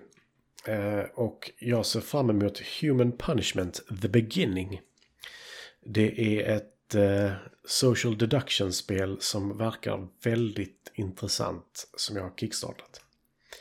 Eh, förutom det så har jag även kickstartat The Witcher, men om det kommer ut nästa år, eh, det vet gudarna, så jag vågar inte ens säga det. Men annars ser jag väldigt mycket fram emot det också. Witcher the Old World. Vad ser du fram emot nästa år? Åh, jag ser fram emot kommande projekt som jag ska göra. Och det ska jag faktiskt göra i Mindy-gruppen. Och det Mm. är ju mitt kommande MUTANT år 0-projekt som jag håller Mm. på att göra. Det är ju tanken att det ska finnas två aktiva grupper i världen samtidigt. Fast de ska inte nödvändigtvis börja med att interagera med varandra och troligtvis vet de inte ens om att de finns. Mm. Utan i den ena gruppen så kommer det vara ett tjejgäng som består av bland annat dig och Amanda från Mindy. Mm. Och sen så är tanken att Heidi ska vara med också.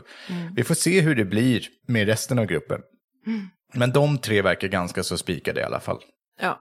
Och sen i den andra gruppen kommer det vara Micke Fryksäter, Kristoffer Warnberg och Mia Gibson. Mm. Som kommer vara den andra gruppen. Jag vill ju lägga fokus på den apokalyptiska världen, just att känslan av utsatthet, att man är ensam mot hela omgivningen och det är snålt med mat och vatten. Och, ja, men samtidigt kunna lägga fokus på relationerna sinsemellan eftersom det är väldigt små samhällen som ni kommer ifrån så känner alla varandra liksom. Mm. Absolut. Jag är jättetaggad på det här. Det ska bli väldigt spännande. Det är ett stort projekt. Ja, Jag ser fram emot det som fasen. Jag tror att det kommer bli väldigt roligt och alla verkar väldigt intresserade så då blir det nog bra. Nej, men det ska bli kul. Jag älskar ju MUTANT så att för mig är det ingenting som, som skaver. Kul att göra en tjejgrupp också. Det är inte så jättevanligt. Nu är det jag spelledaren då, va? men ehm, ja, alla andra är tjejer. Det är faktiskt någonting som är väldigt intressant att eh, utforska sådana grejer. Ja. Så det ska bli jättekul. Du då? Vad ser du fram emot nästa år? Ja, men jag ser fram emot det där bland annat. Men jag, alltså överhuvudtaget så ser jag fram emot att ha mer tid att engagera mig i Mindy. Jag känner väl lite att den här hösten och vintern har jag inte riktigt haft ork eller tid och så att vara kreativ och vara med i projekt och allt möjligt som finns. Men det hoppas jag verkligen vänder nu till nästa år så att man kan delta och hitta på saker. Det ska bli jättekul att utforska. Mm. Nästa grej, sista frågan för i år. Mm. Eh, vilket spel är vi mest taggade på att få till bordet? Ja, jag har inte ett spel gott folk. Det är, att, att tro den, den, eh, nej. Vindskäl, Troubleshooter. Som sagt, sjukt pepp på att få prova dessa utanför min comfort zone. Men väldigt intresserad av att prova dem. Men sen Escape Plan. Och CO2. Ah, ja. För det är vittespelen jag äger men Ja. inte har spelat den. Just det. Mm. Mm. Så att det är faktiskt så här, eh, jag fick min Batman Animated seriespel. Eh, Det är exakt vad jag förväntar mig. Så att det är så bara, meh. Men jag får putta under Batman. Så att, Mm. yay. Eh, Men, men det har jag fått spela. Så att, nej. Det är...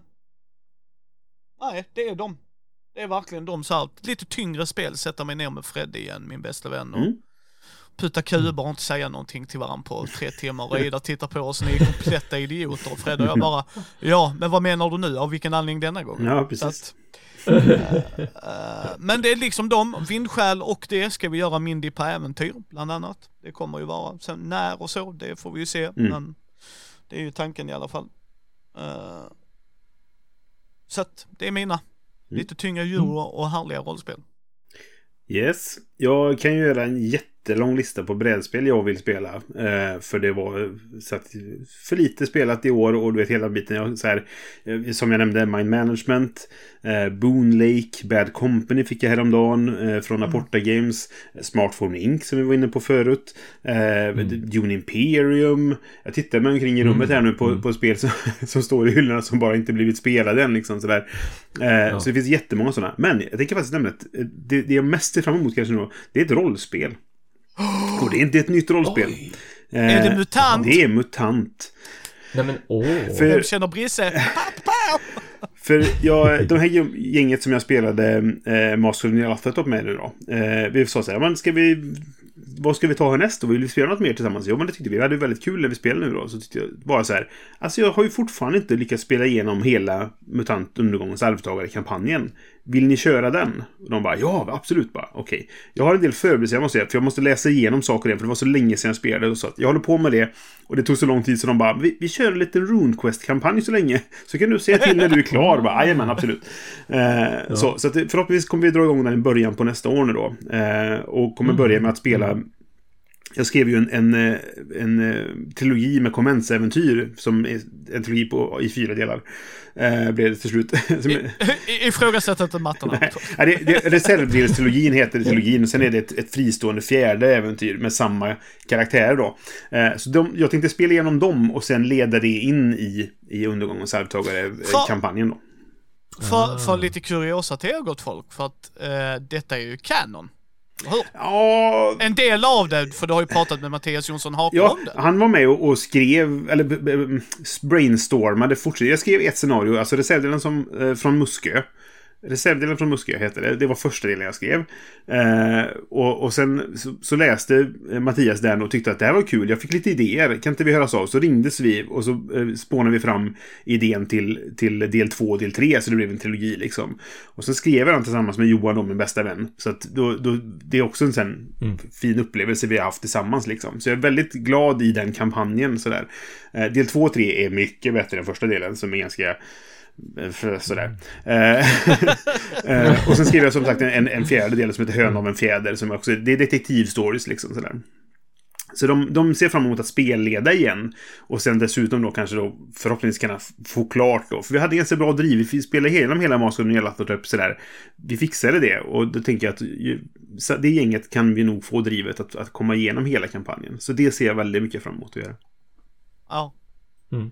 Kan ni inte podda om det Brisse? Jag hade velat höra det. Det är, ja, jag vet inte om det, vi kommer Nej, orka det. Det blir vet. alldeles mycket liksom. Ja, jag vet, jag vet, men det hade varit så Ja. att höra Brisse i sitt rätta element. Bland mutanter och robotar och symutanter. Och, Ja, mm, ja, jag, mm, för, och det, ja, mm, jag sitter och, och läser igenom nu igen då, liksom sådär, bara för att friska upp minnet på regler och, och världen och sådär. Liksom, och, och det, jag älskar den där världen. Den är så fin. Det är så mycket bra och fint där liksom. Och, och hur mycket man bara kan liksom, ja. Mm, Mm. underbart. Thomas. Mm. Bortsett från Stars of Aquarius, som måste komma. Eh, så då... det, det, jag, det jag har liggande så har haft liggande i över ett år. Som jag bara väntar på och nu verkligen på riktigt så här. Det, det var så skönt, på, på det viset var det skönt att Stars of Aquarius ändå blev framputtat. För det här spelet som jag tänker nämna, det var som så här, ja men jag måste börja spela den här kampanjen innan jag sätter mig in i Stars of Aquarius. För det, det kommer att upp, sluka upp hela min värld sedan när det väl kommer. Så det var som på ett vis skönt att okej, men nu har jag faktiskt ytterligare kanske tre, fyra månader på mig någonting sånt där innan. Eh, det är Tainted Grail, The Fall of Avalon. Det här mastodont eh, RPG-äventyrsspelet från 2019 som jag var med och, och kickstartade andra vändan kanske det var jag var med på. Eller nej, jag var nog faktiskt med på första vändan förresten. Men det tog bara väldigt, väldigt, väldigt lång tid att, att, få den. Eh, och eh, det är ju, jag tänker ju spela det solo. Det går ju att spela co-op upp till fyra spelare, men jag tänker spela det just för, för, för eh, äventyrsupplevelsen, för storyn och sådär. För det, jag känner en polare dessutom, en av de som är med och spelar eh, Coriolis-rollspelet. Han spelade också igenom det solo. Han sa att det var en av de bästa soloupplevelserna som han hade haft när det gäller liksom rollspel, story överlag bara. Mm. Och jag har sett väldigt mycket fram emot att få sätta tänderna i det här för att det ser, det ser väldigt häftigt ut. Jag älskar att det är en sån här mörk, gritty fantasyvärld där det finns ingenting som är kul ungefär. Allting är så himla dystert verkligen. Eh, och att den ska verkligen vara väldigt intressant skriven, vilket ju till och med ändå lite överraskande på det viset kan jag tycka. Men, men Dice Tower och Tom Vassell han, jag vet inte, han slår mig inte riktigt som den spelaren som, som tycker om att spela solo och eh, fantasy-äventyr och så här just att det ska vara dark and gritty. Men han sa det, om det är någonting jag verkligen älskar med Tainted Grail så är det just storyn, hur den går och den här världen och att den är så mörk som den är. Sen har, sen har de fått absolut, det, det verkar som att de har ett häftigt och roligt combat-system också, hur man utforskar världen och allt det här också. Men framförallt storyn har, har de verkligen lovordat i stort sett alla jag har hört på och pratat med när det gäller Tainted Grail. Mm. Så jag ska verkligen, verkligen nu då, typ i stort sett efter nyår är planen, sätta mig ner med det här eh, så fort som möjligt och påbörja kampanjen så att jag kan ha liksom det färdigspelat innan Stars of Acarius kommer. Mm. Eh, jag har hört mycket gott om Tainted Grail Story också kan jag Mm, säga. jag med. Eh, Mm. Så här, du kan ju spela det solo, det kan man om man vill. så att, eh, jag, jag har backat eh, ett solospel utan att veta att det var ett solospel. Så att det. eh, Ja, ja. Batman The Dark Knight-spelet, så bara åh det här är ett Just det. solospel, ursäkta vad? Men det är ju Ja du kan Batman. ju, ja ja precis, men Ja. du kan ju spela det på två. Jag hörde två där, så nu går vi in. Ja. Och helt ärligt, hade det inte gått så hade det nog varit det första spelet jag hade spelat solo. ja. Ja, ja men det förstår jag. Men Jag, Visst, jag dodgade den kulan. Snyggt. Tursamt. Uh, nej, Eh, jag har alldeles för lite tid för att sätta mig med ett solospel Ja. åt folk. Eh, jag, jag, vet, jag vet varför Brisse gör det, men jag gör ju, jag sitter och spelar mina datorspel för att det är just den avkopplingen jag behöver. Jag jobbar ju inte med datorer så att... Nej, nej men precis. Nej. Mm, mm. Vilket spel är vi mest taggade på att få till bordet? Eh, Det är hemliga som jag inte får prata om. Så att jag ska få prata om det. Eh, jag är också väldigt sugen på att testa Exit the Game, vilket är så som jag uppfattat det ett escape room fast i brädspelsformat. Eller inte riktigt brädspel, men sällskapsspel. Eh, det finns i Agatha Christie-anda och det som känner mig vet att det är en av mina favoritgenrer. Ja, det var väl allt för årets årskrönika. Eh, simma lugnt. Vilket spel är vi mest taggade på att få till bordet? Eh, jag har haft Mickes Star Wars Rebellion eh, hos mig sen innan vi flyttade. Och jag tror nog detta är åtta månader totalt vi har haft spelet hemma hos oss och inte spelat det än. Vilket är lite skrämmande. Eh, så jag måste nog säga att det, det är högt upp på listan. Att det inte blivit spelat eh, är skrämmande. I övrigt så ser jag alltid fram emot att få Netrunner på bordet. Även om jag måste lära mig reglerna varje gång jag spelar. För jag spelar det så sällan. Men i övrigt så Star Wars Rebellion. Mycket Star Wars kände jag. Mycket fin IP. Men det var allt för mig. Och jag hoppas att eh, ni alla har haft ett bra spelår. Och om inte så hoppas jag att ni nästa år får ett bra spelår. Och eh, om ni vill så kanske ni vill komma in och titta på när vi streamar. För jag tycker det är kul. Sista söndagen i månaden. Varje månad utom december nu. För nu spelar vi den 19. För den 26 december tänkte jag faktiskt spendera med min fru istället för att streama. Eh, så får det vara. Men jag hoppas att ni tyckte detta var i alla fall lite småintressant och eh, kanske lärt känna mig lite mer. Eh, kanske inte jättemycket med tanke på att hälften av mina svar är Star Wars. Vilket inte säger jättemycket. Men tack så mycket och eh, ha en god jul eller trevliga helger om ni så önskar. Tack för mig. Vilket spel är vi mest taggade på att få till bordet? Är det någonting vi väntar på ens i brädspelsväg? Nej. Nej, inte brädspel. Ja, Blade Runner ser vi ju uppenbarligen fram emot nu att få till bordet Ja. bägge två. Det får man ju säga. Absolut. Det är verkligen den jag ser mest fram emot till nästa år. Hoppas verkligen på det spelet.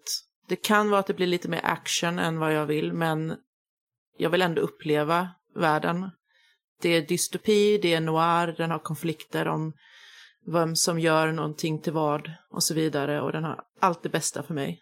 Ja, jag, får nog, eh, jag får nog säga att jag, det är Blade Runner som jag ser fram emot Mm. mer också faktiskt. Eh, Helt plötsligt, det vill säga. Det är en värld som är svår, tycker jag, just att det är den här, de här stora frågorna om vem är vad och vad är det som gör en människa till en människa eller och så vidare. Det, det känns bara som att sådana saker gör sig kanske bäst på film. Men kanske, kanske slänger fria ligan in lite sådana här hjälpmedel ibland. Att, att tänka på ett, ur ett rollspelsperspektiv, hur man ska kunna porträttera sådana saker på ett bra sätt. Mm.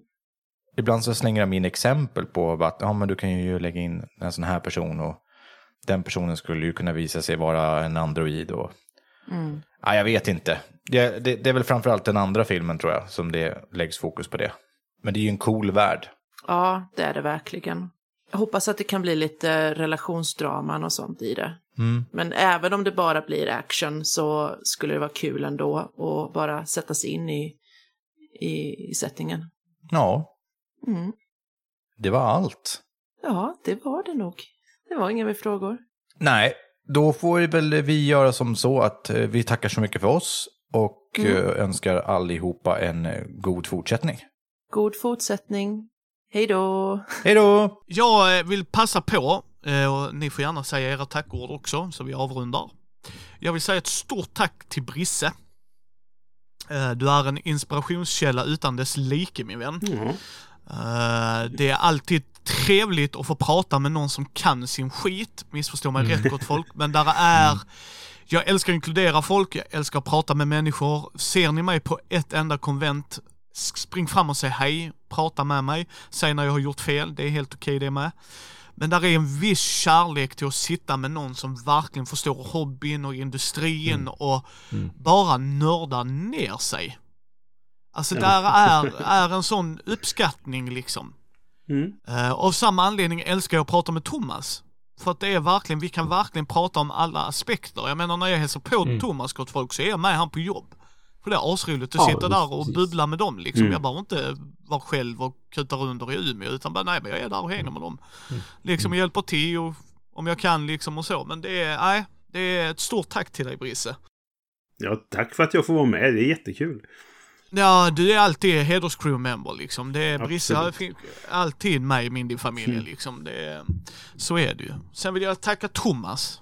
Ett stort jävla tack Mm. till dig Thomas för att du är med här och gör den här resan med oss.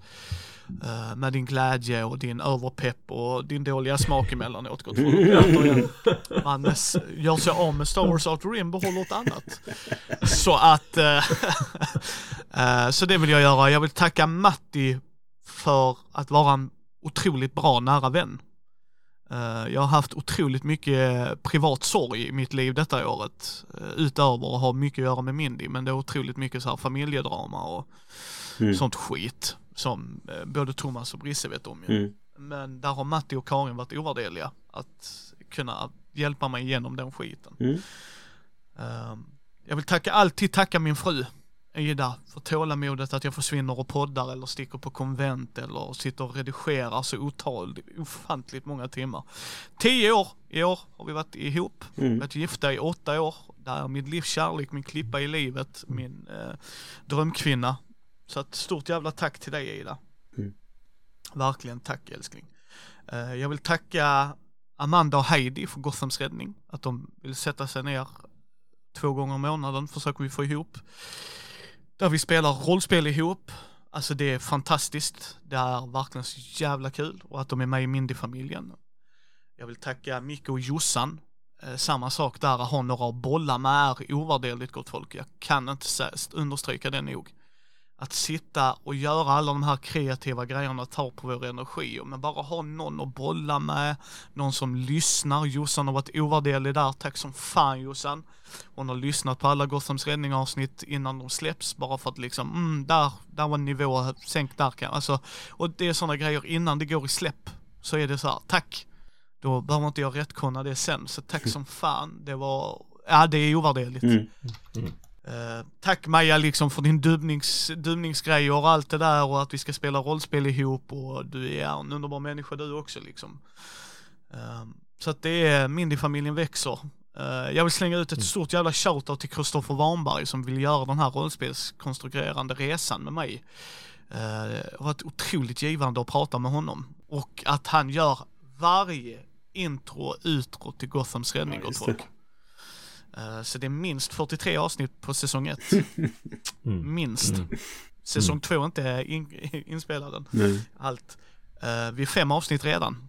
Coolt. Som jag har grovredigerat. Um, och där, han är fantastisk att bolla med. Jag älskar rak och ärlighet. Det gör Micke och Jossan också. På ett sätt som jag älskar. Och det, det är ovärderligt för mig. Verkligen gott folk. Mm. Och alla ni som tittar, lyssnar, gillar, delar, engagerar er i allt vi i Mindy gör. Har ni några idéer och funderingar, tveka aldrig att höra av er. Vi försöker göra så mycket som möjligt i den mån vi kan och allt det där. Men alla era ord är varm- varmt välkomna liksom. Det är roligt att se hur mycket Gothams räddning har genererat folk som lyssnar och att de engagerar sig och, Mm. och sådana saker. Det har varit liksom jättekul att eh, Eh, Heidis flickvän Olga lyssnar ju inte i normala fall på rollspelspoddar så att när hon lyssnar på det vi gör, även om man gör det för att det är ens partner, det kan jag förstå va? Ja, Ja, ja. ja. Mm. Men att man stannar kvar är Mm. så fantastiskt. Det Ja. var på den nivån när vi hade mellansnack, mellansnack för säsong 1 och 2. Alltså, vi ska göra ett postmortem, men, men då när vi hade ett så där de fick ställa frågorna och det, Mm. eh, så ville Olga inte höra. Så att när hon var i rummet, Jaha. för att hon skulle, yes, när hon skulle hämta en grej eller något sånt, så sa Heidi, nu får vi vara tysta. Så, eh, Ja. Ja. och, och för mig är det så här, ah fan, alltså det, Det är är, roligt. mm, Vad kul. Ja, ja. Eh, och 30 dubbgäster tror jag är uppe i. Och det, jag ska rekrytera Thomas också gott folk. Jag ska fråga Thomas om han vill dubba en skurk eller något. Matti är med och dubbar bland annat och, och eh, vi har otroligt många underbara människor. Stort tack till Mattias Fredriksson från Redmond Roleplaying för jävlar vad han har dubbat kan jag säga. Ja. Och, eh, eh, och så Christer från Svartviken, jävlar vad han kommer dubba. Eh, så ett stort, stort, och Micke och Jossan, alltså det finns ju inte, Micke har gjort flera röster och Samuel också i Loveco från uh, Rollspelsdags. Tack verkligen alla. Från botten av mitt hjärta. Jag är så privilegierad att jag kan göra sådana här grejer med underbara människor. Eh, det här är en sån stor glädje i mitt liv. Och alla involverade, tack som fan. Jag blev rörd, Micke. Jättefint sagt. Ja men det, det, är, för, det är alltså, jag, jag kan inte jag är över en social människa, men när jag ser Brisse så är det verkligen, ah där är Brisse! Jag blir genuint glad att, jag älskar att spela spel ihop, men bara jag träffar Brisse så är det så här, ah men det är en bra dag. Ja, men jag, Det är det, det är sam, samma här. Jag, det, det, och det, det är ju, jag har sagt det förut, att, att anledningen till att jag började interagera med Mindy och, och att det blev en grej att vi började göra saker tillsammans och så här, det, det är ju på grund av dig Micke. Jag, jag får ju tacka dig då för att du gör det du gör. För du, din, din glöd och ditt driv för den här hobbyn och det du gör, det är så starkt. Och det, det, det var det som fick mig att tycka att det här vill jag vara en del av liksom. För det, det gör du så jävla bra. Så att det är stort tack till dig för att du gör det du gör. Mm, Tack mm. Det värmer. Det är, ehm, det är liksom, nej, men jag, jag liksom, som jag säger, jag hade inte träffat Brisse, jag hade inte träffat Nej. Thomas, jag hade inte träffat Matti, Nej. Amanda, Ja, Heidi, ja. Jossan och Micke. Jag hade inte träffat alla dessa människor. Nej. Anders Blixt, att sitta och fika med honom, Mm. alltså Jesus Mm. vad min polare hatade mig för det. och liksom, och, eh, och jag förstår han, för liksom där sitter jag med rollspelslegender. Mm, och, nej men det är fantastiskt. Ja, ja visst. Ja, visst. så att Ja. jag är för evigt tacksam och jobbar stenhårt för att vi ska... Jag har sagt det, det här är en hobby för alla. Ja. På ett eller Ja. annat sätt. Vi behöver inte spela Ja. med barn, vi behöver inte spela med vissa så här. Nej, nej, men alla ska kunna vara med. Och det Mm. är precis det vi på Mindy vill stråla utåt. Liksom. Ja, Mm. helt rätt. Mm. Så eh, tack Brisse, det var Det som, som, Brisse sa tidigare, att det är liksom win-win. Det, det går, swings both ways som man säger. Att eh, det, som, det som du ger, det får ju, det ger som tillbaka av oss också. Att det, det du får ut av det, det får vi också ut av det så att säga. Mm, ja, och jag älskar till exempel att träffa Thomas. Alltså, Ja, det, det är svinroligt när vi, när vi träffas här på sommaren. Det är Ja, eller när en du väldigt har- fin tradition. Ja, eller när du kommer ner, när det väl kan gå Ja, göras på det hållet liksom, verkligen. Ja. Alltså det är, nej, för mig är det... Eller när jag får... Ja, Gothcon, det ska bli supercoolt roligt. Ja, eller när man får sitta med Matti. Och vi spelar våra duell eller duett. Eh, Mm. det förstår alltså alla, ja, eller Mm, alla gäster. Jag menar vi har haft med Lars Hallgren som du sa, fantastiskt roligt att prata brädspel med honom. Jag vill göra lite mer projekt med dig och honom Brisse. Mm. Eh, vi ska ju titta på att göra introduktionsvideoserier till rollspel, både som spelare och spelledare. Och jag skulle vilja göra så med brädspel med dig och Lars till exempel. Liksom hur kommer man in i hobbyn, hur ska man tänka? Och göra en sån videoproduktionsserie med det bland annat.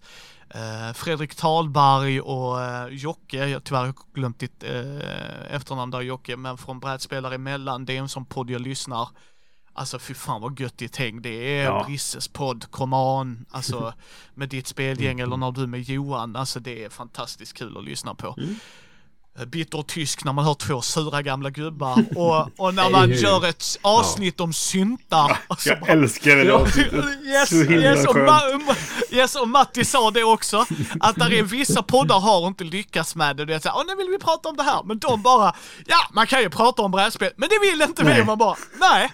Och då ska vi Ja, lyssna på ja. sunt. Jag hade ingen aning om vad de pratade om. Nej, nej, nej, jag, jag, jag, jag tror de hittar på var- hälften, men Ja, men, men, typ, men Ja, det var ja, ja. så härligt att Ja, höra det var två det. griniga gubbar. det var fantastiskt. Nu gör vi det på vad här, vårt sätt, humbug. Japp. Eh, och, det, och det är det jag menar liksom, eller höra Amanda och Maja och Heidi och alla dem och för att göra en röst hörd där, att, för där Mm. är mycket vita tråkiga cismän. Jävlar vad vi kan hitta män i denna hobby Japp. och då få göra en plattform för dem är också så jävla fantastiskt. Mm. Så där kommer mer med alla de här individerna gott folk. Det är inte svårare än så, så att det är verkligen tack till er alla Mm. som är med i det här eller som lyssnar och som är delaktiga, som delar våra inlägg eller skriver en kommentar eller vad det nu än må vara Mm. liksom. Det är, Mm. Och jag kan inte understryka det nog. Ser ni oss någonstans ute i det vilda, i alla fall mig, kom alltid fram och prata. Jag är, ja, om jag inte står mitt inne i en kris, eh, så kom fram och prata med oss, för vi delar Ja. gärna tankar och idéer. Så att, tack så hemskt mycket grabbar, Tack själv. verkligen. Ja, tack själv verkligen. Oh ja. Ja, ni hittar Thomas på Konrad Dag och eh, recenserar både gruppen där på Facebook och på Mm. eh, hans YouTube-kanal. Där han lite då och då släpper videos, men han har en okej backlog att titta på. Man kan kritisera han Det för finns en del. Rebellion. videor där alltså. Ja, Det finns en del videos, inklusive Empire vs. Ja, och det kan man kritisera han för. Sen kan man ju titta på Micke och Matti har spelat det skitspelet. Eh, och säga, alltså det är nog ett av de sämsta spelen jag spelat Thomas. Så fan kan du ha kvar det? Och säg inte för Star Wars-temat för då fan sålt of Rim. Nej, visst. Nej, Ja, visst. så- Nej, visst, att ha Outer Rim mer Star Wars-tema. Ja, så, eh, men ehm, ni hittar ju Brisse på Mellan turerna och Vems tur är det? Allting är under en eh, poddkanal och det är spelradio. Eh, jag kan rekommendera den som fasiken för det är asroligt. Jag lyssnade på ert senaste avsnitt idag. Och det var lite så här, hmm, inte ett spel Micke kommer att spela kanske. Eh, nödvändigtvis. Och eh, det tackar jag för, för att det är en sån, hmm, okej, nu har jag fått lite grepp om det och, och att ni är en sån bra mix av folk är också Ja, det jag älskar. det är jag väldigt glad för. Väldigt tacksam till, till alla som är med där. För att vi... Det är mycket olika röster som blir hörda där. Det är jättekul. Mm. Så att eh, ni hittar alla där i show notesen. Amanda hittar ni Riddles in the Dark med Maja där de Twitch-streamar.